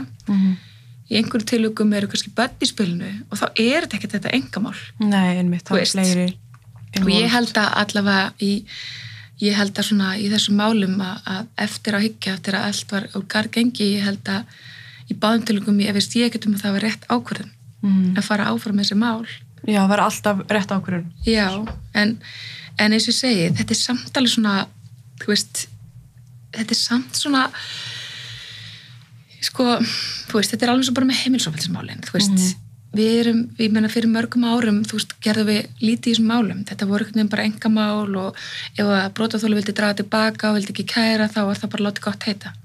Við Já. erum lengur búin að breyta því. Mhm. nú er þetta bara þannig, við fylgjum þessu eftir við erum ákveðið verklag.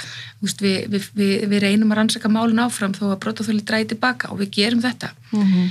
en hérna, og það er því bara hugmyndin er náttúrulega þessi, þetta er ekki engamál Nei, þú veist, ef að þú ert lamin heimahæðar þá er það bara ekkert engamál það er bara, þetta er alvarleg brot sem varða bara samfélagið Mhm. og ég meina eins og segi, tala um ekki um þegar það eru börn en, en þetta er samtala svona þú veist, að því að maður þarf samtala, þú veist, hugsa þetta þú veist, þannig erum við samt líka að taka veldina brotaþólum Mhm. En hvað að því að ef, ef mannskja breytir framburði og, og hún eða hann segir bara nei, það gerast ekkert Mhm.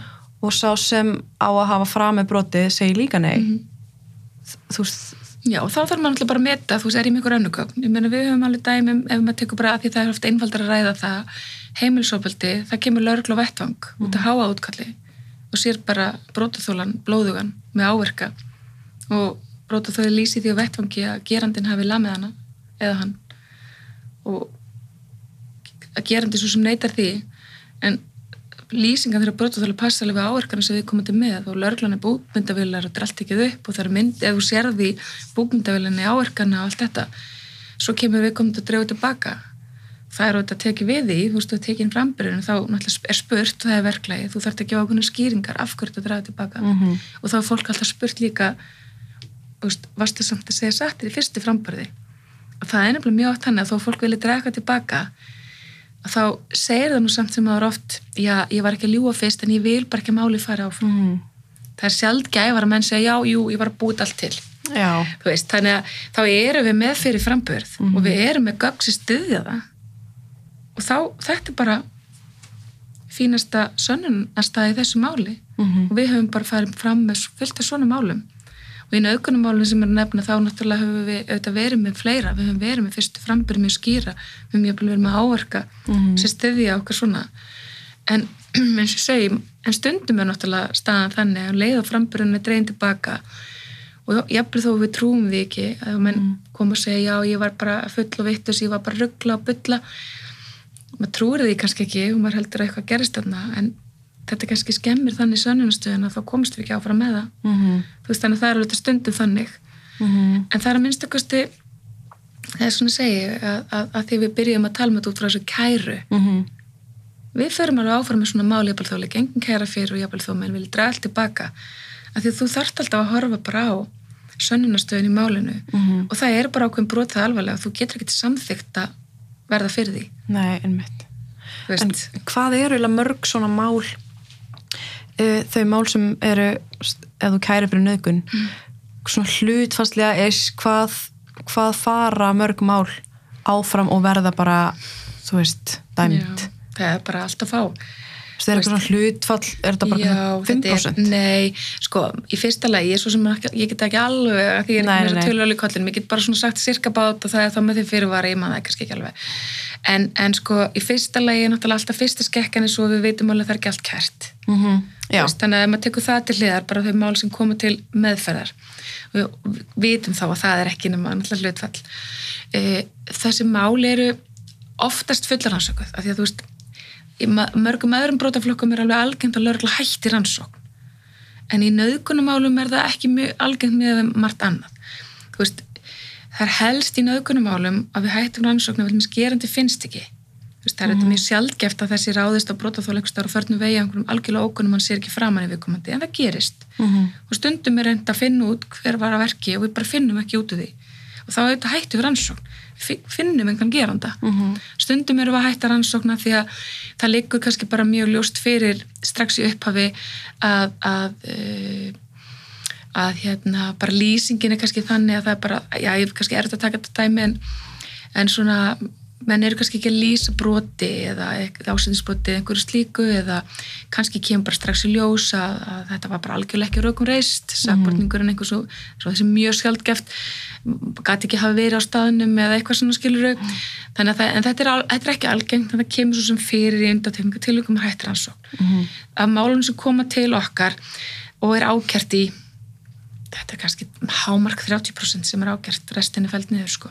Mhm. og svo er náttúrulega ákveðin hlut af því sem er svo síkmaði annað hvert í hér að landsrétti þannig að þetta trappast alltaf niður og þú veist, en það er Að- en staðan hvernig, að það eru svo margir sem um, nú veit ég bara, þú veist stelpi sem ég var með í viðtali sem Mm.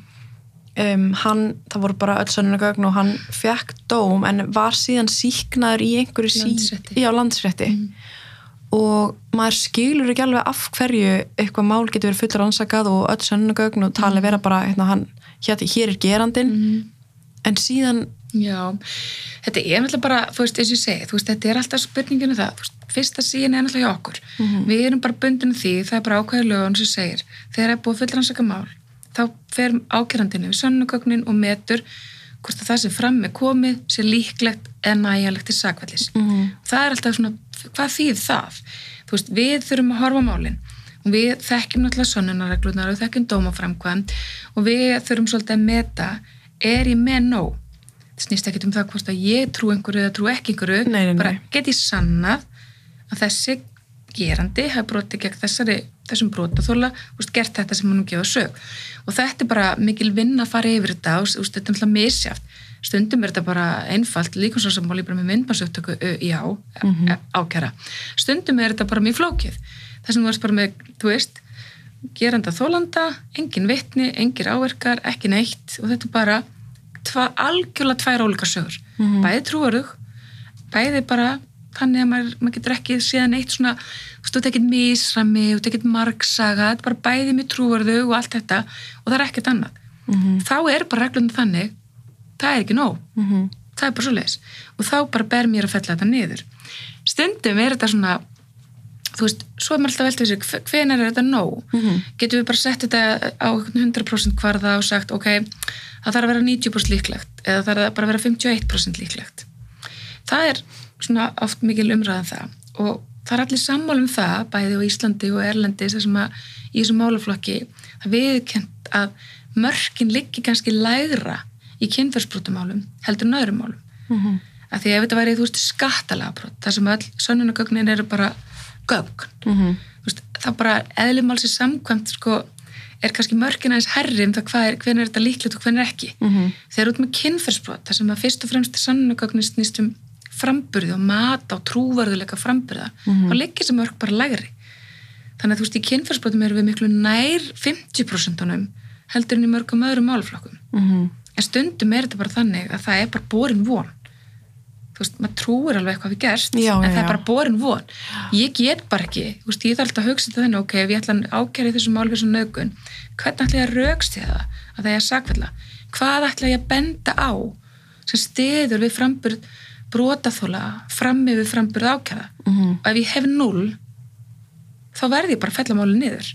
Ég er bara bundin af því. Það er mitt hlutverk að vera til fyrsta þessi fyrsta síða en ok, svo hugsa maður ok, það er eitthvað hérna, ég ætla að láta reyna á þetta og ég ák ákæri og máli fyrir fyrir hérstóm síknu hlutfalli í kemfyrsbrotnum um málum er miklu herra í, í, heldur en í öðrum málum skilur, af, því af að, af, það? af því að við setjum mörkin lægra Já. skilur að því að við erum með líkansárás þá eru mörkin bara miklu nær kannski 80% Mhm. þú veist, við, við látum brot, við látum mál, frekar á málin reyna í kynfærsbrotumálum af því að þetta er svo mikið mat trúverðuleika mat veist, þannig að við látum frekar reyna á málin ef við teljum geta stutt að einhver leiti en það þýðir líka af því að við erum kannski nær 50% um hvort mál sé líklegt eða ekki líklegt sagfællis í kynfærsbrotumálunum Mhm. þá þýðir það þetta að við fáum fleiri síknur Mhm.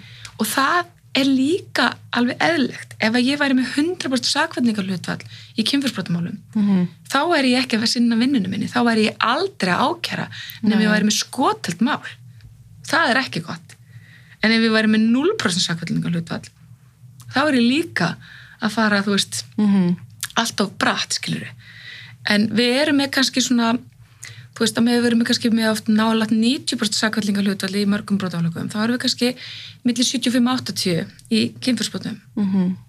og við viljum alveg, þú veist, ég held að það sé mjög eðlilegt þetta svona samræmi, skil, að þú fyrir að vera að meina, einmitt. svo við erum að láta reyna á fleiri málin, ergo fleiri síknur, svo ertu alltaf komið landsrétt Mhm. og þar fer alltaf fram bara ný sönnunafærsla þetta er, það, þetta er svona annað en hæsturitur sem var náttúrulega bara svona svolítið öðruvísi domstóll Mhm. þarna fyrir sönnunarfærslan aftur fram það eru tekna nýja skýslur eða viðbúta skýslur og, og, og þú veist, svo viðbóta gögn já, já, þannig að þú veist og svo hafa náttúrulega líka við mál verið síkna í hér að þeir sem er snúið í landsætti sko, þannig að það virkar alveg báða báða Þannig- bóa sko. Já, en, en þú veist, þetta er kannski að ég vona að skilja hvað er að meina. Þú veist, mm þú veist, það er ekki óæðilegt að sé fleiri síknur í kynfyrspotamálum að því við erum að láta frek reyna á fleiri mál. Mhm. en, en, hérna, en við þurfum alltaf að fara allavega yfir það við verðum að telja að málin séu líkleg Mhm. að við höfum eitthvað í höndunum sem að geti gert það að verkum að við fáum sakfællinguna einmitt, maður hefur, Já. maður hefur bara svo heyrt eins og þú sagðir áðan, þú veist, hvena vitu við hvenar er nóg, þú veist, hvenar er við bara með 100% að maður hefur það heyrt oftar en þú veist, tvisvar, þrisvar að fólk er bara með myndband af nöðguninni en það verðist ekki vera nóg. Þú veist, það er ofta eitthvað svona En það er svolítið erfitt af því oft er líka svo erfitt sko þegar fólk er að tala um einhver svona einstök mál að Mhm. sjaldnast er við sem erum þá að tala um þau með allt fyrir frá okkur. nei, einmitt, Og þú veist, ég náttúrulega segi sko, ok, e- ef þú væri með myndband af nöðgun það sem væri auglýslega nöðgun og það væri ekkert annað, ég menna þá ætti það náttúrulega að vera næja. Þannig ef, ef maður heyri svona sögu þá hugsa ég alltaf, já, það hlýtur að vera eitthvað annað. mm Af því að þú veist, þetta er náttúrulega bara ekki ekki skynskorpi fólk sem er að fara yfir gögnin og þú veist með kærleina þannig ef svona mál fer ekki áfram þá er eitthvað skilur já, það var Fattar alltaf að- eitthvað svona hérna, já, ef manneskan segir ekki í myndbandinu nei, eða eitthvað svona. Já, að það sé ekki svona, það þurfa að vera bara alveg skýrt líku við að fólk sé bara svona, þú veist ég vil þetta ekki, þú veist, ekki nauðga mér, mm bara líku við. Já, já. En, en eins En og svo segir getur náttúrulega verið, þú veist, þú sem varst á staðnum og veist hvað gerðist, þú horfir á okkar myndband og þú veist hvað var í gangi, það hefur alla söguna. Svo erst þú að horfa á þetta bara kemur á málun og veist ekki og þú kannski bara eitthvað myndbandsbút og fyrir þér sannar hann kannski bara mjög lítið en þú sem varst á staðnum og veist raunverulega hvað gerðist, Mhm. Já, já, finnst hann að þetta sanna þetta allt, þannig að þetta er líka svolítið þú veist, og- já, eða ég meina sko, ég skil alveg og ég hef oft sagt að því að náttúrulega, mér langar kannski að nefna eftir að því nú erum við náttúrulega farin að taka svona fundi með brotaþólum þegar við erum að fella málið niður. Þú veist, ég skil alveg. Þú veist, þú setur á mótungurum og tilkynunum, þú veist, við erum ekki að fara áfram með málið, mm þú veist bara viðbröðin, þú veist, og reyðin og allt þetta, því að, þú veist, auðvitað er alltaf tveir sem vita nákvæmlega hvað gerðist. Þú veist, og ef, að- ef að þú lendir í broti, þú veist alveg að broti á þér -hmm. þá er þetta alveg skiljaðlega þessi bara sjúkla frustrandi og erfitt að, þið líður eins og sé- það sé ekki verið að trúa þér. Já, ég meina ég skil það mjög vel, mm en við erum alltaf að að segja að þetta þýðir það ekki. En ég veit alveg, þú ert í er, þú veist, þú ert í uppnámið, þú ert að fá þarna fréttir sem eru ömulegar -hmm. þú veist, og þó maður reynir að segja við fólk þetta þýðir ekki það að kerfi sér að segja við þig ef við trúum þér ekki, þú ert að ljúa þú veist, ég skil samt alveg að þú upplifir það. Þú veist en við erum allavega að reyna með þessu með að eiga fundi frekar en þú fáið bara eitthvað brefsend heim sem að var náttúrulega eða var það þannig? Það var þannig. Mhm. að þú veist, þú færð þó allavega fund ekki til þess að þú veist, hugmyndin er ekki að fara að rökraða niðurstaðana hún er búið að taka hana heldur það að vera að fara yfir þetta með þér? Veist, þetta er niðurstaðan. Mhm. af hverju er hún það, svona þessi? Hver eru rökin? Uh, útskýra kæruleðina þú veist, og, og ég hveit alltaf fólk til þess að skoða þetta rosalega vel að, að kæra. Mhm. þú veist, fá gögnin í málinu renni yfir þetta og svo ég sé átt í brotaþóla ég meina þú þekkir þetta best. Þegar þú far gögn málsins og reist þau yfir ef þú rekur augun í eitthvað sem að vandar sem að, sem að hefur bara ekki komið upp í rannsókninni eða ef þú sérð eitthvað sem er hérna bara rán þá bara hveti ég til að punta það niður láta það fylgja með kærunni Mhm. því það þekkir náttúrulega engin málið betur en þú og, mm. og aðlarnir í málinu skilur þannig að þú veist, maður vill þetta hvetja fólk til þess að, að kæra og reyna að fá niðurstöðunni nekt ef það telur geti bent, sérstaklega geti bent á eitthvað sem er kannski sem að að sem að glendist eða, eða er rámtúlka hjá okkur eða eitthvað mm. svoleið sko. Þannig að hérna, þú veit, ég held að þetta sé mjög til bóta við eigum þetta samtal sko. Já, í staðan fyrir að fá bara bref og svo kannski Já, bara hendur bara brefinu en er ekki díla við þetta. Eða bara þú veist, þú lest eitthvað bref og það, þú veist, þetta er að við veit alveg, við reynum að skrifa þetta náttúrulega einhverju mannskjumáli en bara sorry, það gerist eitthvað maður, maður verður alltaf inn bara eitthvað svona "Vá, hvað er að skrifa? Svona eitthvað lögfræði mál og maður reyna, skiluru Mhm. en hérna, og það er bara fullt af spurningum sem vaknaða líka kannski það, við höfum gert þetta þannig, við hittum fólki með réttakestum manni, förum yfir efni brefsins Mhm. svo hefur þá bara farið hans af sig skefið réttakæslemanninu og voru það þólaðast tækifæri til þess að fara saman yfir efnið og komum svo bara aftur. Stundum vill fólk bara aðeins fara heim um allt þetta, stundum vakna ykkur spurningar sem að maður reynir þá að svara. Mhm. þannig að svona ekki allavega svona skiljaði eftir í lausu lofti því að þú veist, Nei. þú veist kannski bara fá þetta bref heimtíðin í ábyrðaposti svona algjörlega bara out of the blue. Veist, þetta tekur alltaf langan tíma við vitum það alveg, þú kannski kæri einhvern veginn nöðgun, einu og hálf ára setna bara allt einu komið bref í lúuna þú ert kannski bara einn heima, engin stöðningur ekkert skiluru og þú ert bara Bara einn með þetta bréf Já, já, Þú veist, þannig að það er kannski svolítið hugsunin að reyna að ná utanum fólk og, Mhm. og svona fara yfir þetta en hérna og ég, ég er alveg samfærum það að þetta, þú veist, er til bóta en Mhm. ég veit líka alveg ég er ekkert ég er ekkert í haldin einhvern rángumundum að fólk sé bara, æ, frábært, nú bara líður mér óslega vel og bara fyrst nei, alltaf nei. lagi niðurfyllingin auðvitað er niðurfyllingin alltaf áfall og það verður alltaf sorg og leiði yfir niðurstöðinni, sko Mhm. en En já, um Já. En er hérna, veist, er þetta svona helstu málin sem þú, sem þú færð að borða þér? Þessi, mm. þessi svona alvarlegustu þetta er svona stór, rosa stór hóp hluti kynfyrsbrotnin, þau eru alveg ótrúlega stór hluti og ég held til dæmis bara næst í síðasta ári til dæmis ef ég manda rétt þá voru við hjá mínu embati við vorum með, ég held að það verið rúmlega 280 kynfyrsbrotamál sem komum til okkar, þú veist og við erum 10 til 11 og svo náttúrulega allt, heitt sko.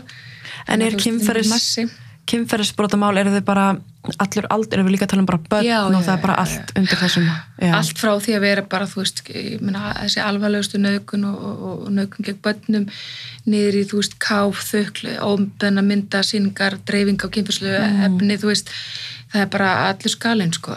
Er þá þetta, hérna þú veist, vinnan þín, er hún bara átt, þú mæti bara átta og, og svo ertu svona búin fjögur eða svona Nei. vinntíminn eða svona svo well, ég þarf ekki að segja það. Þetta er náttúrulega hérna Nei, svo eru náttúrulega, þú veist, margir aðri stóri náttúrulega líka með mikið alveg með ábyrðsbrotum, svo er ekki með mörg mandrafsmál, en við erum náttúrulega með einhver. Mhm. og við erum náttúrulega með stór fíknefninnflýninga og þú veist, öll mál sem að þú þegar fólk er gæstuvarhaldi og farbanni, þú veist, þau þarf að fara fram fyrir að því að þegar fólk sæti svona þvingunar ástöðum þá þarf að flýta því með ákveðnum hætti. Eitt bara svo leið stórt mál eins og stórt mandrafskan mál getur náttúrulega bara svolítið sett allt, maður þarf bara svolítið að setja allt á hold og reyna að fara í það Mhm. en maður getur ekkert alltaf leift sér að setja allt á hold því það er svo margt annað sem bara rúlar sko Mhm. og svo eru bara alls konar verkefni líka, þú veist, ég er að stjórna mínu, mínu sviði Já. þannig að þú veist, það er líka bara ég er að taka við öllum mál sko inn og svolítið meta þau ég er að deila þeim á starfsfólk, ég er að aðstofa mitt fólk og reyna að vera til staðar fyrir þau, Mhm. þú veist, við erum með fullt af hérna erindum sem kom frá dómsmálráðundinu, ég er að stýra starfsópi sem er um sáttameðlun í sakamálum og ég er að stýra hérna, hópi sem tengis mannsali og svona rannsókn saksókn mannsalsmála og þú veist, er að kenna mjög mikið, þú veist, ég er að kenna upp í háskóla, ég Já. er að kenna fyrir að námskeiðum fyrir lauruglumenn og ég er líka á, á samt fleirum heldutunum allar kærur og hendur lauruglunni Já. þannig að ef, að- að- að borgarnir telja að lauruglun er brotið af sér í þeir samskipti við þá þá kemur það allt til okkar og það er rannsakað hjá okkur og, og hérna við erum ákjörvaldi í því og ég er í mjög miklu svona erlendu samstarfi sem tengist því þannig að það er alveg bara þú veist, það er Það mjög fjölbreytt Já, skilurðu. ok. Þetta er ekki fyrst að þessu allir inn frá 8 til 4. nei, nei, það er ekki þannig En þannig að maður hugsa bara að það lítur að vera erfitt að díla við eða sérst bara vinna alltaf í svona erfiðum málum Mhm. bara hverjum einasta degi og jafnvel horfa myndbönd Mhm. og efni og þú veist, maður hugsa ætla að sé ekki einhvers konar sálfræði þjónustað eitthvað sem, Mhm. sem þið fáið eða þú veist, eru þið í einhverju svona hvað segir maður, einhverju svona Sálgæslu. Já, Já, sko þetta er í rauninni er það alveg til bóða, þetta er ótrúlega fyndið, ég myndi að skulle segja þetta, vegna þess að það er ekki rosalega langt síðan að það fóru verið bóði og hérna það hefur alltaf verið svona þeir sem er að vinna eins og lauruglunni að skoða badmennisefni, þeir fá bara svona og þú veist, það ánáttúrulega bara vera svona mandatori, þú veist, ef þú þarft að sita heilan dag og skoða badmennisefni, þú veist, þá átt þú bara að fara í sálfræði viðtal já, þetta er samt svolítið fyndið, eða ekki fyndið en ef við, það var eitthvað tíma kom fram á svona stóri ráðstöfn sem var haldin hér á landi meðal annars svona rannsóknar á barnanísefni þá, mér var svolítið gott sko, það var, ég held að það hefur verið frá Hollandi deildin þar, þeir eru með svona deild á landsvísin rannsaka svona stór veist, hérna, mannsansmál og svona stór barnanísimál sem ná svona, svona ringir og svona. Mhm. og þeir segja bara, ef þú ert að skoða barnanísefn á netinu, þú ert búinn þá þarf þetta að fyrir tetris í tvo tíma. Bara, já, mér varst þetta svo magna, það er bara, þetta er bara skilda fyrir utan alltaf sálgæsluna að fara í vitur og svona, það er bara, það fyrsta sem þú gerir eftir að þú ert búin að horfa á þetta, tetris í tvo tíma. Þú verður bara, Já, þeir bara- að þú þarf bara aðeins að hreinsa sko. Mhm. en við, þetta, þetta hefur verið bóði bæði þegar ég var hjá ríkisaksónu þá er þetta svona tekið upp og hefur verið núna hjá hérasaksónura en við erum bjóðum starfsfólkinu upp á ákveðinu sjálfsfæri þjónustu þannig að fólk á rétt ákveðum x mörgum tímum á ári en það er ekki þannig að þú setur skildaður í það. Nei, nei, nei. þú veist, en þú, að það geta allir og, og embættið, þú veist, vinnuveitandinn fara ekki að vita út af hverju þú getur alveg ákveð að nýta þér þetta bara því að það er erfitt heima eða whatever, það skiptir ok. ekki máli Nei, að þú átt rétt á x mörgum vitur með ári og ef að það er mat meðferðaralans að þú þurfi fleiri, hún þá er fleiri tímar í bóði Mhm. og þú veist að því ég hef svo oft sagt sko ég held að það sem gerist það er, ímislegt sem getur gerst þú veist það getur, ég held að þeir sem að get ekki unnið þetta starf ég held að sjá það mjög fljótlega Mhm. þú veist, ef þú bara meikar þetta ekki og þú getur ekki tekið þetta út úr hugunum aður og hægt að hugsa um þetta og setja þetta í ákveð bókstur fyrir heimtíðin, Mhm. þá, þá hættur þú fljótlega það er bara þannig. ég held að þetta sé frekar svolítið það að við verðum of hörð þú veist, það er miklu meiri finnst mér svona hættumerkin Mhm. og þú veist, ég þurft alveg smá tíma að fatta þetta sjálf að þegar maður allt í einu uppgöta það að þú ert kannski bara svona að sitja í saumaklúb og það er einhver að segja þér frá einhverju sögu, eitthvað vinkonum í lendi og, og þú ert eitthvað svona bara þetta er ekki neitt. Já, þá er maður komin, ok, wow, hérna þarf ég að stoppa. Þegar maður er kannski búin að sjá svo margt rosalega ljótt að maður er kannski farin að hætta að kippa sér upp eitthvað sem er Smávægilegt. smávægilegt þá verður maður að stoppa að því maður þarf auðvitað alltaf að hugsa þetta smávægilega brot er náttúrulega ekki smávægilegt fyrir þennan þólanda Mhm. þetta er bara stóra máli þitt. Og þetta finnst mér og ég hef svolítið talað fyrir um þetta bara innan þú veist, kerfisins, við þurfum að passa þetta að við megum ekki gleyma því að þó við sem búin að sjá svona ljótu hluti Mhm. að það breytir það ekki að svona ljótu hlutur er líka alvarlegur. Mhm. og við megum ekki láta fólki finna fyrir því að okkur finnst þetta eitthvað ómerkilegt. Nei, og maður þarf að passa það.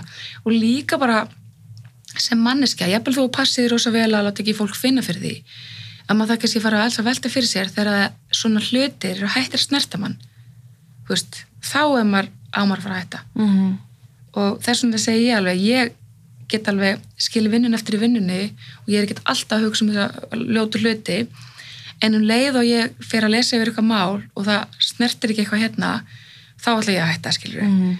þú veist, ég hef alveg ennþá lendi bara, þú veist, að lesa yfir viðtöl og vera bara, þú veist, þurft bara að býta á jakslinn, sko, eða hlusta frambyrði í réttarsæl þar sem að maður er bara alveg að fara að gráta, sko. Mhm. og þá hugsa maður bara sem betur fer þú veist, því að þú vilt ekki alveg tapa mennskunni, sko. Nei, en alltaf maður sé ekki smá hrættur við það? Jú, jú. að hérna, þú veist, hvað ef einn daginn er mér bara svona, ég er án svo, svo samduna þessu og vönu sig að maður bara svona Mm einhvern veginn já, já, ég en- veit ekki hvað maður getur gert í þessu, ég held bara Nei, þú veist, einhvern tímann kom ég hérna fyrir mörgum ára kom einhverjur lögreglumenn frá bandaríkunum frá FBI og voru að halda svona rann, fyrirlistur upp í lögregluskóla fyrir lögreglu og ágjörundur um svona rannsókn kynfyrsbrota þeir sögðu bara, þá engin að rannsaka kynfyrsbrot eða verið kynfyrsbrotamálum lengur um fimm ár. Mhm, og ég hugsaði bara leit svona við salin það voru alltaf lögreglumenn sem voru að rannsaka sem var í 20 ár, þú veist, ég var kannski búin í 10 ár, þú veist, nú er ég búin í 16 og maður er svona, hmm einmitt En þú veist, ok, við erum samt kannski allavega ákjærandirnir, þú veist, við erum meira að gera annað líka. Já, já, já. Þú veist, ég er ekki bara þar. Nei, En maður finnur líka stundum kom bara tímur þar sem maður þarf, nú þarf ég bara aðeins að kvíla mig á kynferðsbrotunum, mm. -hmm. kvíla mig á þessu í smá tíma, skilur við, og algjörlega maður þarf bara, og maður þarf líka bara að eiga eitthvað, þú veist, þú þarft að eiga eitthvað áhuga mál, þú þarft að eiga eitthvað svona til að gefa þér útrás hvort sem það er eitthvað líkansægt eða þú veist að hérna, þú þarft að mhm, þú þarft að geta skiljið þetta eftir. Já, algjörlega. Og þú þarft bara einhvern veginn að þú veist, svo er þetta náttúrulega líka bara svolítið þannig vinna að þú veist ég meina, auðvitað langar mig að all mál fari svona gegnum kerfi og þessi getur að býða í, veist,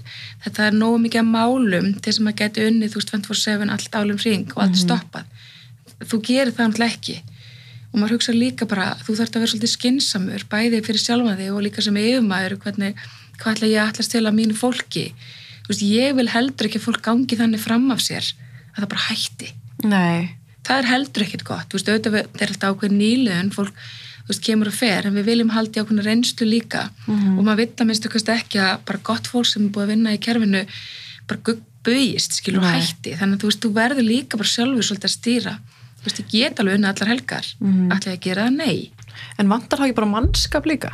Jú, en þú veist, við höfum alveg fengið, þú veist, ég meira 2018 var að fara í rosa flotta að hérna vinnu við með fyrir kynfyrsbrota, það sem var bara mjög flottur hópur, þú veist, komið fullt af tillögum og ég bara aldrei á æfinni sé svona vinnu þar sem var bara fengum pening fyrir öllu sem var lagt til. Og það hefur hjálpað rosa mikið, fengum, þú veist, en hérna þetta er líka bara spurningin jú, það vantar alltaf meira fólk, þetta er alltaf bara peningur skilur, þú veist, við erum bara með ekki pening og það vantar líka fyrir öryrkja fallaða, mm. börn, þú veist, það vantar svo víða. Þannig að við getum jú reynd að fá fleiri mann inn í þetta. En við erum líka sjálf þurfi stundum svolítið að hugsa hvernig getum við bætt vinnuna. Þú veist, hvernig getum við svolítið strömlínulega þetta þannig að við sem að eða, þú veist, það er allstæðir kerfinu, það er alls konar hluti sem að er kannski svona sóun sem að tala um, þú veist, þú veist Mhm. hvar er hvar er hvar er eitthvað sóun og tíma skilur ég segi alltaf mál sem kemur frá lauruglunni sem fullur ansakað þú veist, það fer alltaf í smá byggð hjá mér svo er því útlöldallingur starfsmanns, hann fer yfir og bara, að heyrðu, þetta er ekki fullur ansakað sendur það tilbaka. Þá verður líka ákveðin byggð þegar þetta fer tilbaka. Og svo, þú veist, þessi þetta er með sóun. Og þá hugsa maður, ok, hvað getum við gert til að koma í veg fyrir að við sem að senda málinn tilbaka nefnum einhverjum algjörum undatemninga til svona bæta verkferðla bæta verkferðla og þú veist, við þurfum, ég vil þó að sé allir að kapna í vinnu, þá er ég alveg samfærið um að bara með því að stíga stundum aðeins skref tilbaka, hugsa þetta aðeins rýna málinn, skoða þetta þá til lengri tíma liti þá erum við að flýta einmitt. Og við erum búin að vera að gera rosa mikið svona. Þú veist, gera svona verk tjekk, bara gera tjekklista þannig að fólk sé ekki að gleyma Mhm. þú veist, ákveðin hlutum þú veist, þú veist fara í einhverjum rýnivinnu, hvar getur við þú veist, Mhm. hvar getur við stið af hverju eru málin lengi, hvar eru þau að stoppa? Þetta er ákveðin svona vinna sem við erum múnið að fara að stæmi núna, Mhm. hvað er að stoppa þau? Skoða, er alltaf sama? Getur við fundið einhverjum svona samnefnar sem tef, tefja málin, Mhm. er kannski hægt að laga þá, þarf þetta að vera svona þetta er bara hluti sem að maður verður að gera. Já, alveg ég held að séu allir sammála eða að öllum finnst Já. málinn taka allt og langan tíma og það, þú veist, að það er alveg en, en hversu mörg svona, hversu mörg vídeo, þú, þú veist, horfið þið á? Ég meina, er fyrir eitthvað sem bara hefur aldrei séð eins og badnanýðs efni fyrir mér er eins og bara svona, já það hlýtur bara það er ekki til, skilur við, maður er bara svona það er svona eitt á ári. Nei. skilur við, þú veist, að því þetta er svo óþægilegt og stöðandi og maður vill ekki Mhm. að halda að þetta sé til Nei. en er þetta ekki miklu um, Jú, þetta er, og þetta er líka bara munurinn, mun þegar ég var að byrja þá voru þessi mál þannig, bara þú veist, út af tækninni. Mhm. Þú veist, þegar ég var að byrja voru svona batninsefni, þá ekki menn með, þú veist, þá stundu voru menn bara með tvö mynd, bönn, tíu ljósmyndir. Eitthvað, eitthvað, eitthvað harðadisknum í tölvunni, þú veist, eða floppy-disk, nei, sér, kannski ekki alveg Já. svo gömul. En hérna, í dag er aðgengjar svo svakalegt að við erum kannski fann að horfa á, þú veist, þetta eru þúsundir, ég vil tugir þúsunda. Myndbönd. myndbanda og mynda.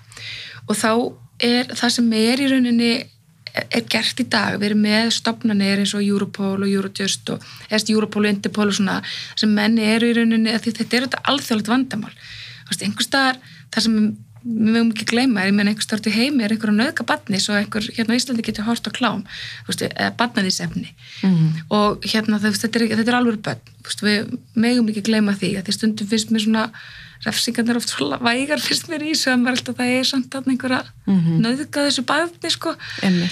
En hérna veist, við erum með svona database þar sem að efnið sem er tekið, ef að laurugla finnur barnanísefni í tölfunni á einhverjum getur bara verið erlend já, já, þetta er yfirlt alltaf erlend Já, ok. þetta er, þetta er menn, menn eru bara dark web að fá þetta efni. Og það sem við gerum í rauninni að efninu er í rauninni dælt í gegnum svona gagnagruna það sem að, þú veist, allt efni sem finnst það er, þú veist, dokumentara. Þannig að sama myndin, þú veist, við, ef við rennum bara harðadisknum ykkur tölvu það sem er fullt efni í gegnum þessa databasa þá þekkir veist, kerfið, Já. þær myndir sem eru þekktar, þannig að þess, þessar myndbönd sem hafa fundist í einhverju öðru máli kannski bara í Pólandi eða Bandaríkjunum eða eitthvað, ef það er búið að setja þetta inn í innan database, þá þekkir hún efnið. Já, þannig að við getum byrjað því að renni sér gegnum þetta. Þannig að þetta er að segja þessu þúsund myndir hún segir í þekkti hérna 980 sem barnanýð það búið að kategórið eftir ákveðnum reglum sem barnanýsefni mhm, og þá getum við bara sagt þetta er barnanýsefni, eftir standa kannski 20 myndir og það er þá eitthvað nýtt þá þarf þá að skoða það, er þetta örgla barnanýsefni hvernig er það, svo setu, erum við þá að setja það inn í já, merkja það. Já, og þá er það, þá er það þess að myndir núna okkar komnar inn sem nýtt efni inn í databasein sem aðrir hafa aðgangað. Mm. Þannig að þú veist, þú þarft að horfa Mhm.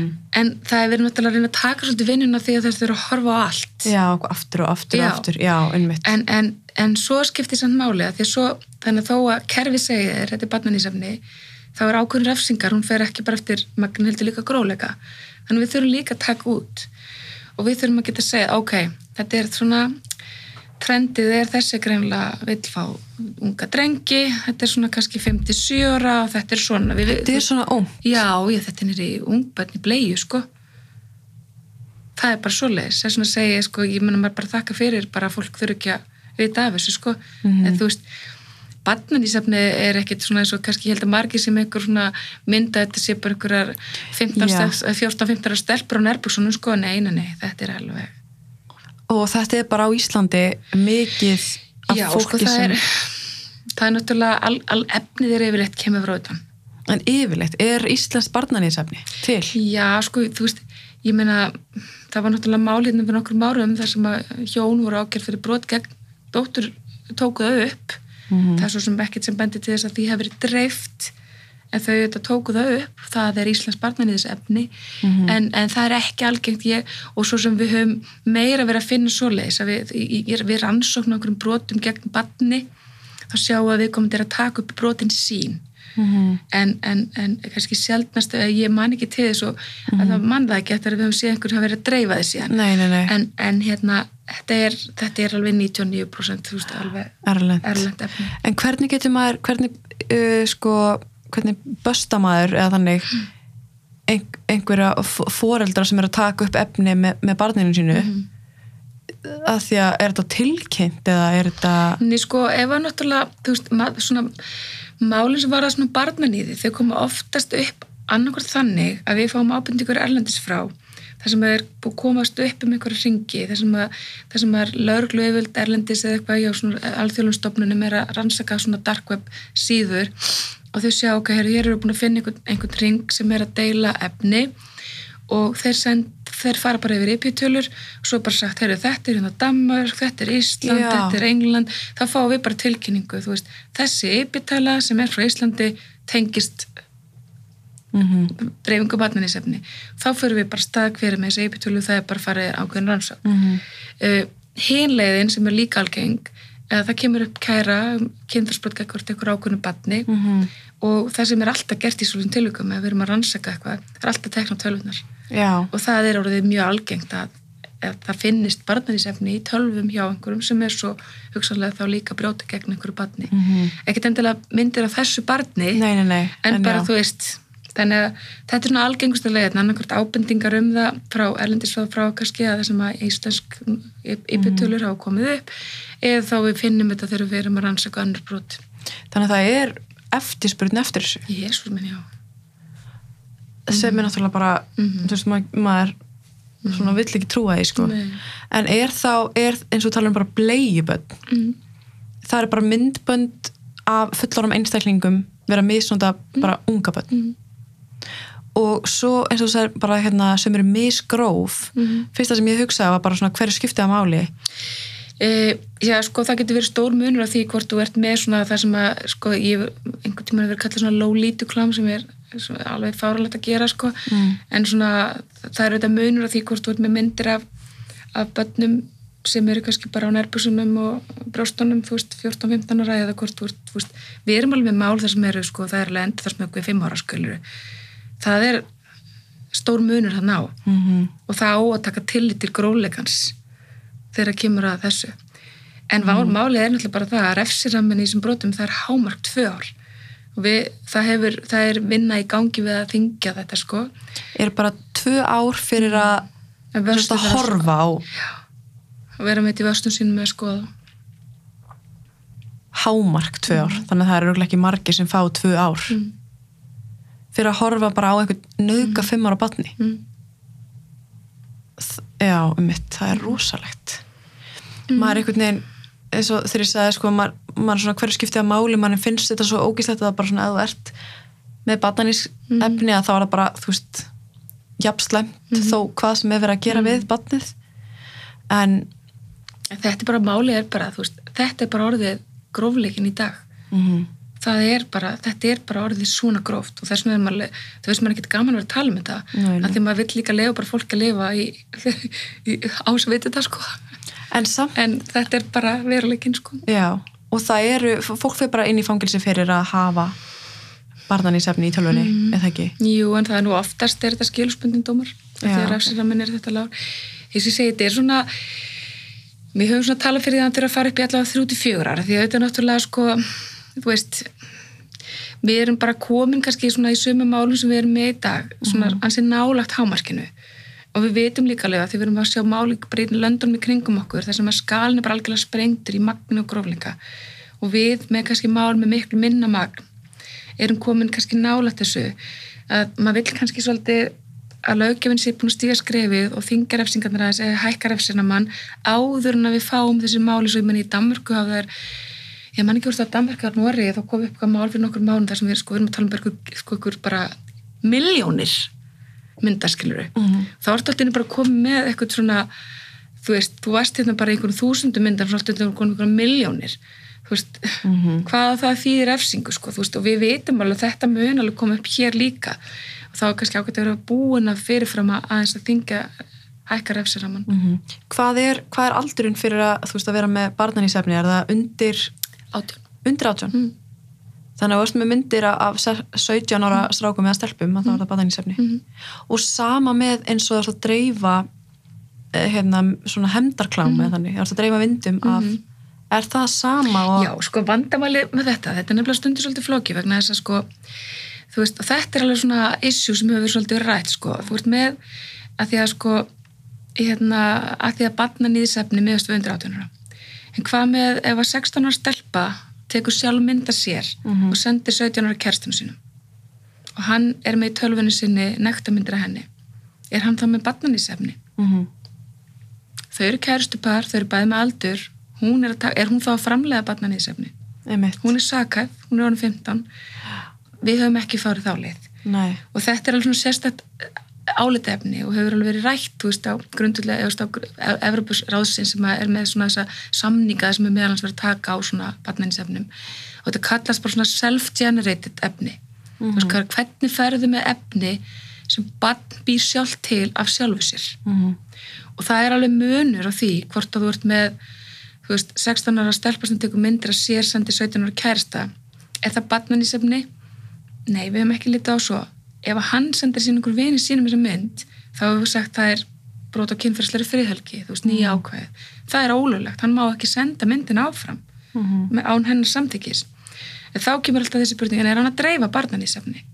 Mhm. og við hefum svolítið reynd að meta þetta bara í hverju tilviki fyrir sig, hvort við notum barnanís ákvæðið þarna út frá bara samhenginu út frá að þau hafi kannski verið í sa já, sambandi eða við veist er líka bara svona fyrir kannski líka brot og þólan þá er þetta svolítið skrítið að myndin sem þú tókst og sendi kærstæni hennum og það sé alltaf náttúrulega barnanýðsefni Mhm. þannig að við erum svolítið að setja þetta í samhengi. En svo getur kannski allt annað átt við með þess að sömu 16 ára stelpu sem fær kannski einhverja bara beinum frá einhverjum 30 ára gauð sem hún þekkir ekki neitt sem er að hamast í henni, bara sendu mig mynd, sendu mig mynd. Nei, ég vil ekki, jú, sendu, sendu.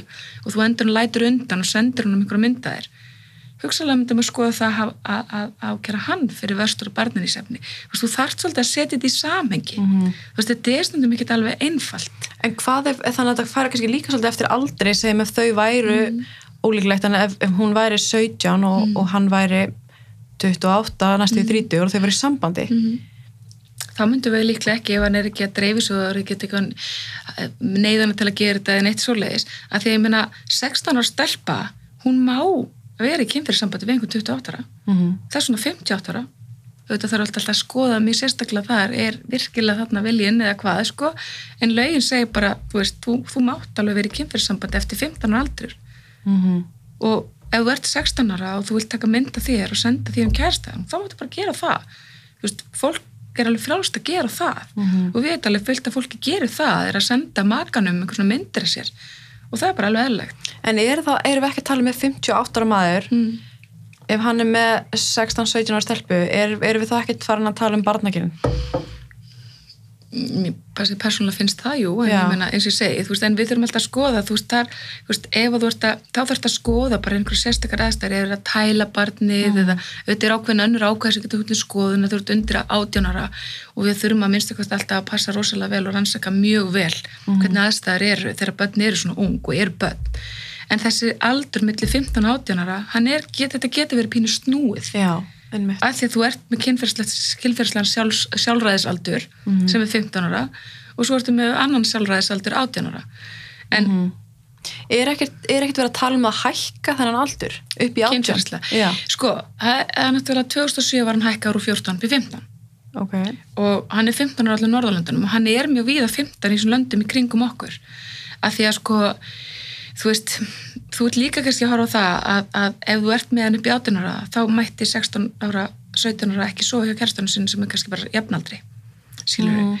Og ef maður horfur á bara hvað er svona rauna eftir ekki það, ég held reyndar að þessi aldur síðan þegar, þegar krakkar byrja stund að kynlíf hann er að hækka Mhm. þú veist, ég meina að ég horfur tilbaka þú veist, ég er 43 ára, það var ekkit óverlegt að fólk verið að byrja svo saman í 8. og 9. bekk í dag held ég að það sé bara mjög breytt Já, já, það, Já. það var ekki held ég eðlilegt á mínum. Nei, og ég menn ennþá meir í dag þannig, þú veist, kannski kemur að því einhvern tímann að við þurfum að skoða þetta aftur þegar þetta sem var breytt 2007 þá, þá það var mér sér ekki í uppálega frumvarpin það var gerð svolítið mikil breyting 2007 á kynfyrsbrotakablanum Mhm. eitt af því sem var skoðað þá að hvort það ætti að hækka niðurst að þessi samt í frumvarpi var nei, hafa þetta í 14 en svo bara var þetta skoðað aldrei vel. Og það sem var svolítið merkilegt fannst mér er að það kom fram í rauninni hjá bara, ég man ekki hvort það var batnanda stofa eða umbúst með batna sem að kemur fyrir þingnefndina sem er að vinna þetta og segir bara, við erum búin að skoða þetta, við erum búin að gera kannanir meðal úlinga og krakkarnir vilja hækka þetta Mm það er mjög sterk rauk en það var hækkað upp í 15 mm -hmm. þau séu bara sjálf, okkur finnst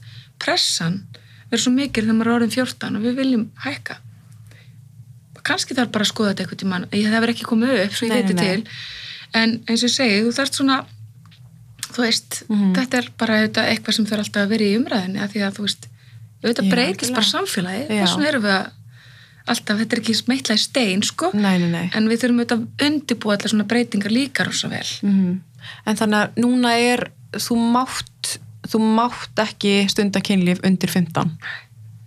og það skiptir engu máli hvort að það er samþykkið ekki. Þú bara, það er alltaf bara brot undir 15 ára. Mm jafnvel þó sé 16 ára kærsta og 14 ára kærsta, það er samt brot. Hvort þessi mál réttin að borði okkur eða ekki, líklega ekki en ef þau gera það, þá höfum við svo sem ákveðin úrræði, við getum alveg að það er líka alveg mjög íþengjandi fyrir kannski einhver dreng 15 ára að vera ákjörður fyrir kynfyrsbrot gegn batni Mm. hvert kærstinu sinni, þannig að við skoðum þetta auðvitað mjög vel. Og ef það er engin þvingun, það er ekki neitt svona sérstætt í málinu, þá höfum við önnur úrræði, við getum beitt svona skilursmyndina ágerðu frestun eða fallið frá saksókn, þannig að við þetta reynum að fara þá leið, því það er heldur ekki við, við, það er ekkit heldur markmið hjá kerfin að taka einhverja unga gerendur og bara, þú veist, fara Nei, alveg hardcore leiðina, sko. Nei, en, en hvað er eins og eins og sagði án þess það er alveg 30% sem fara hérna, sem verða sérst, ákærðir Mm. eða ákærðar uh, Mhm. fyrir nöðgun og, og þannig.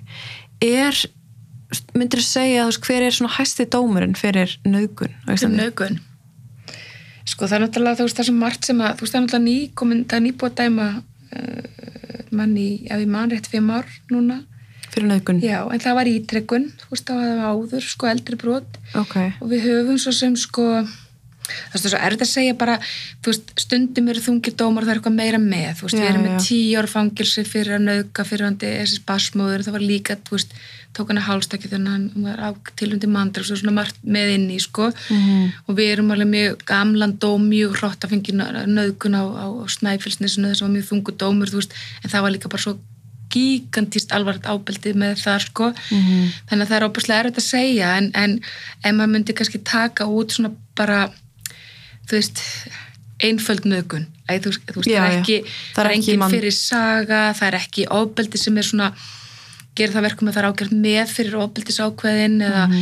það er ekki, þú veist, náinn tengst sem eru líka til afstingingar eða samverknaður, eitthvað svoleiðis Mhm. að þá er, þá, þá er þetta í rauninni svona um þrjú og halvt ár bara svona, ef það er ekkert meir og, og það er nú nýbúða að því að við vorum aðeins svona, svona töldum að landsettur, eða mér fannst svona landsettur kannski aðeins verið að fara svolítið niður af því að það sem gerist svolítið þegar maður er að hugsa um svona ákveðin refsingar þú veist, bara uppráða bara svona jafnbreðsjónamöðum, þú getur eiginlega ekki tekið bara, heyrðu það var alltaf bara hérna, tvö ár fyrir nögun nú ætlum við bara, eitt fyrir þrýr, farið upp í fjögur.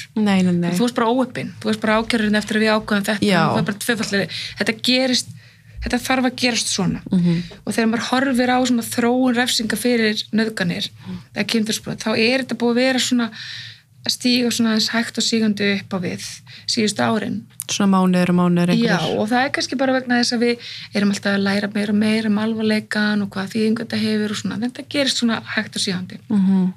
svo svona fannst manni kannski pínu eins og það væri eitthvað að verða pínu bakslag eða svona ekki einn skýr línan að því það skiptir líka svo miklu máli fyrir okkur í ágjörhaldinu, við þurfum að vera, geta svolítið lesa út úr dómaframkvæmdini, hvað er þetta búast við að, að eitthvað brot þýði í refsingu, Mhm. en manni fannst þetta svona orðið aðeins óljóst, þannig að uh, hæstiréttur er náttúrulega þetta ennþá til og er núna orðin svona alvöru svona hæstiréttur svona aðsti domstólinn sem tekur bara mál sem hafa svona sérstakka þýðingu og hefur þá tíma til að bara sinna hverju máli sem þeir samþykja að taka betur. Mhm.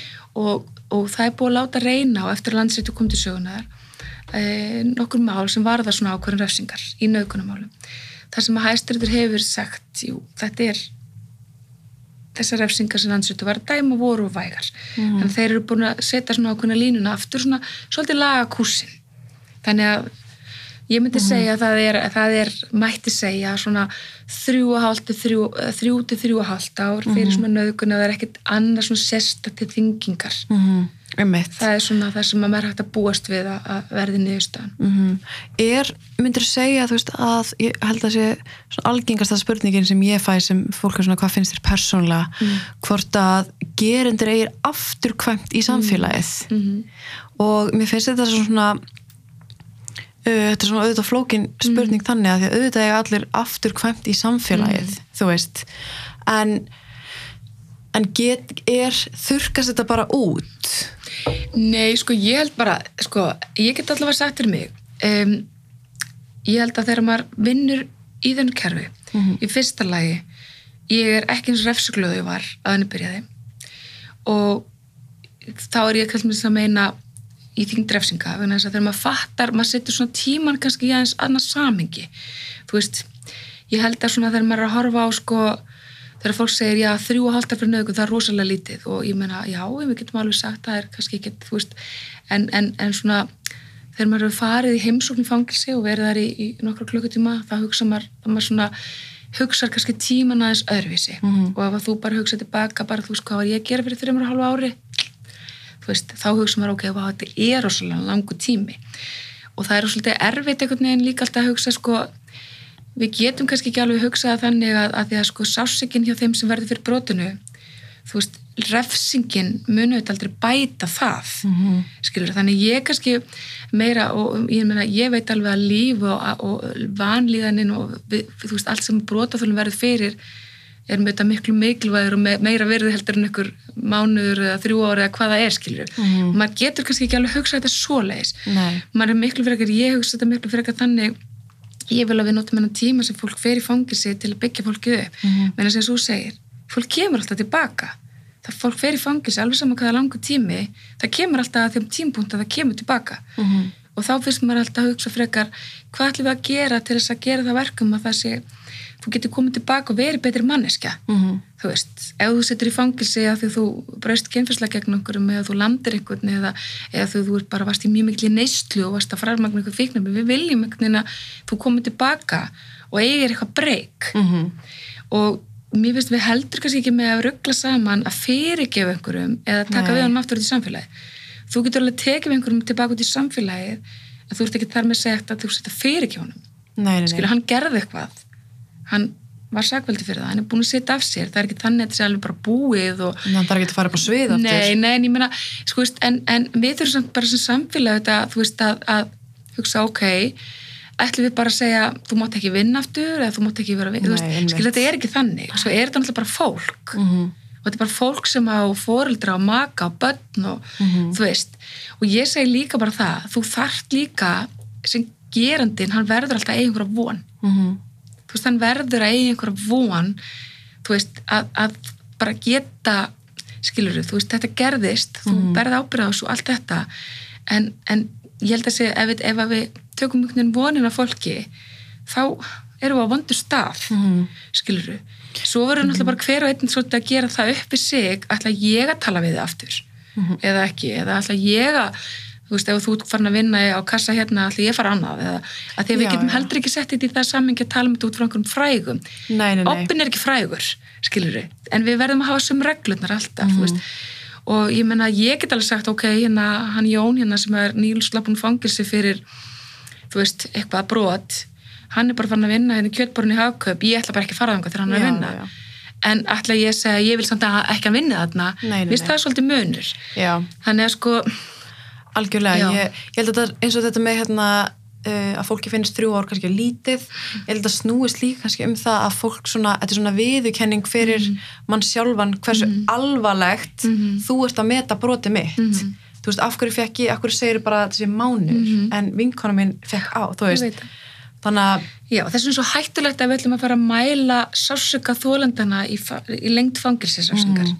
Það er ekki, og, og þú veist, auðvitað hefur það á eitt af því sem hefur áhrif á ákveðum refsingar er hversu miklu þjáningum broti vald allir.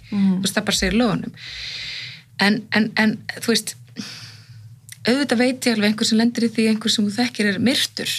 Þú veist, fyrir þér er 16 ára ekki neitt mm, en 16 ára er samt náttúrulega langur tími skilur, þú veist, en, maður- en, en, en við, ætlum, við erum ekki að segja með því að dæmi einhvern í 16 ára fangilsi fyrir manndráp erum við ekki að segja, já okkur finnst bara líf svona eins og myrtur bara 16 ára verði, þú veist Nei. en ég skilu þetta alveg fólk upplifi þetta svona. Mm, en, en, en það er svo sem ekki hugsunin með nei, refsingur skilur þú veist, Nei. og ég hugsa alltaf viljum við frekar fara í bandarska kerfi þar sem að menn eru bara dæmdir í þú veist, ævilangt fangilsi eða 300 ár fangilsi eða eitthvað svona sko. Þú veist, því ég er alveg hort á líka hina hliðina þar sem þú veist kannski með manneski sem er dæmd fyrir mjög alvarlegt brot gegn banninu sínu og bannið er leiðast yfir því að pappi sé að fara í fangilsi þú veist, að við setjum þetta í þetta því bann sem er þykir, því þykir alveg væntum pappa sinn, það veit bara brotin hætti það vilja kannski alls ekki að, pappin fari í fangilsi hann mun samt gera það.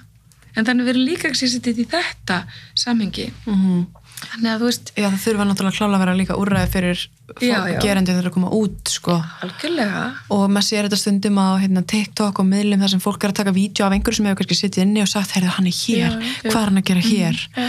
og þá er maður svona að hugsa, þú veist auðvitað er hann, þú veist hann mm mað, þú veist, fólk verður að koma aftur og, og stunda líkamsrætt og það verður að koma og fá vesla í matinn. -hmm. og þá er kannski hægt að, ok, hann fer alltaf í þessa búið, ég ætla að fara í þessa. Já, já, en, en svo er það annað þegar fólk spyr sko eiga gerendur afturkvæmt þegar þetta er einhver frægur Mhm. að svona hafa ekki stjórn á því að þú sért kannski að hlusta útvarpið Mhm. en þú getur auðvitað alltaf að skipta um stöð. Já, já, en allt þetta sko, hérna átt að labba á auðlýsingaskildi mm að ég veit það. Í staðin fyrir að reyna að geta stjórnaði og hérna, ég held sé alveg sammála því að að fólk þurfa ekkert að koma aftur kannski í sviðisljós og vera þú veist, utan í, utan í þólendum sko. En En þetta er bara svona flókið. Mm og það er svona að segja, sko, veist, þetta er alveg eitthvað sem að, þú veist, bara við sem samfélag þurfum þetta bara svolítið að ræða og ákveða. Mhm. og svo er þetta líka ekki svolítið spurningin, veist, við erum alltaf bara að fara í gegnum tíma sem er bara svona byltingakendir -hmm. þú veist, og það er alveg eðli byltinga að það, er, það fer allt bara í, veist, hérna upp, sko Mhm. ég, þú veist, og því mér það bara, ef maður hugsa bara um bara, bara síðustu ár, frá 2017 bara vá, hvað margt búið að gerast Mhm. þú veist, þetta er ekkert annað en bylting bylting er náttúrulega hún er oft sársökufull og það er kannski ekkit, ekkit óæðilegt að það verði, þú veist, að fari allt hingað upp, en svo kannski náum við líka einhverjum svona jafnvægi, Mhm. þú veist, sem samfélag veist, umræðu bara í umræðina, því veist það er ekkert, þú veist, þess að segja, það er fullt af hlutum sem hafa verið sagt og bá, þú veist, að báða bóa skiluru að fara í hástemdar umræðu, sko. Mhm. Mér finnst alltaf svona, þú veist, maður fagnar umræðin en maður vill að fólk geti tala saman svona, þú veist, bara í róleitunum, þú veist, ve velt upp alls konar sjónarhornum og hérna, og hérna, svo þurfum við náttúrulega að ná okkur lendingu sem samfélag, hvernig viljum við hafa þetta? Og það er ekkert réttafélskjá sem er ákveða það. Nei, þú veist, mál fari gegnum kerfið eða ekki og þú veist, það fer einhvern, kemur einhvern niðurstað en svo er það svolítið okkar sem samfélag ákveða hvað ætlum að gera svo. Mhm. og það er bara, og svo frækist þetta kannski svolítið mikið hérna, að því núna erum við náttúrulega að lifa tímið þessum social media er svo ótrúlega st- bara mikið og stórt að eins og ég sá um daginn það var hérna maður sem satt inni fyrir morð og það fór hérna sem strákurinn hitti strákin sem hafði framið morðið á einhverjum náskildum og dreifði því bara út um allt. Og ég man ég sá þetta og ég bara náði ekki utan um það hvað mér fannst um þetta. Út af því maður maður skilur bara reyði mm en maður, svo er maður líka að hugsa um þetta þú veist, eiga gerendur afturkvæmt hver er eiga það ekki, mm á einhver ekki og þetta er svona, já, þetta er bara mjög flókið já, sérstaklega líka svona í kringum social media. Já, já, að því að svo er það líka hinum en, þú veist, hérna, útilókuna menningin á að útskúfa og allt þetta. Já, og ég bara þekki nú eitt sem að hefur sem að var ungur í mikillir neyslu fremdi mandra fyrir mörgum árum í bara rúmlega tvítugur mikillir neyslu vann, veldum við munum alltaf eftir þessu. Og náttúrulega fekk sín dóm og satt inni, snýri sín lífi algjörlega við og er bara dag, þú veist, í mikillir líkamsrækt á konu og börn og bara er náttúrulega eitthvað ekki sami maður. En alltaf þegar hann er að sækjum vinnu eða eitthvað, þá kemur þetta upp. Og þá fær hann ekki vinnu eða þú veist, þetta hefur áhrif. Mhm. og þá er maður líka alveg að hugsa þetta sko, ok, já, ég meina er þetta sangjant þú veist, ég meina, ég, ég skil þetta alveg að sumirvíli sér við þessu. Og ég meina auðvitað þeir sem eru en, en þetta er náttúrulega, þetta er ekki einfalt Það er bara svo leis Ömmit. En þannig að það myndur segja þú veist að, að það sé einhver svona hræðsla á þessar útilókuna menningu.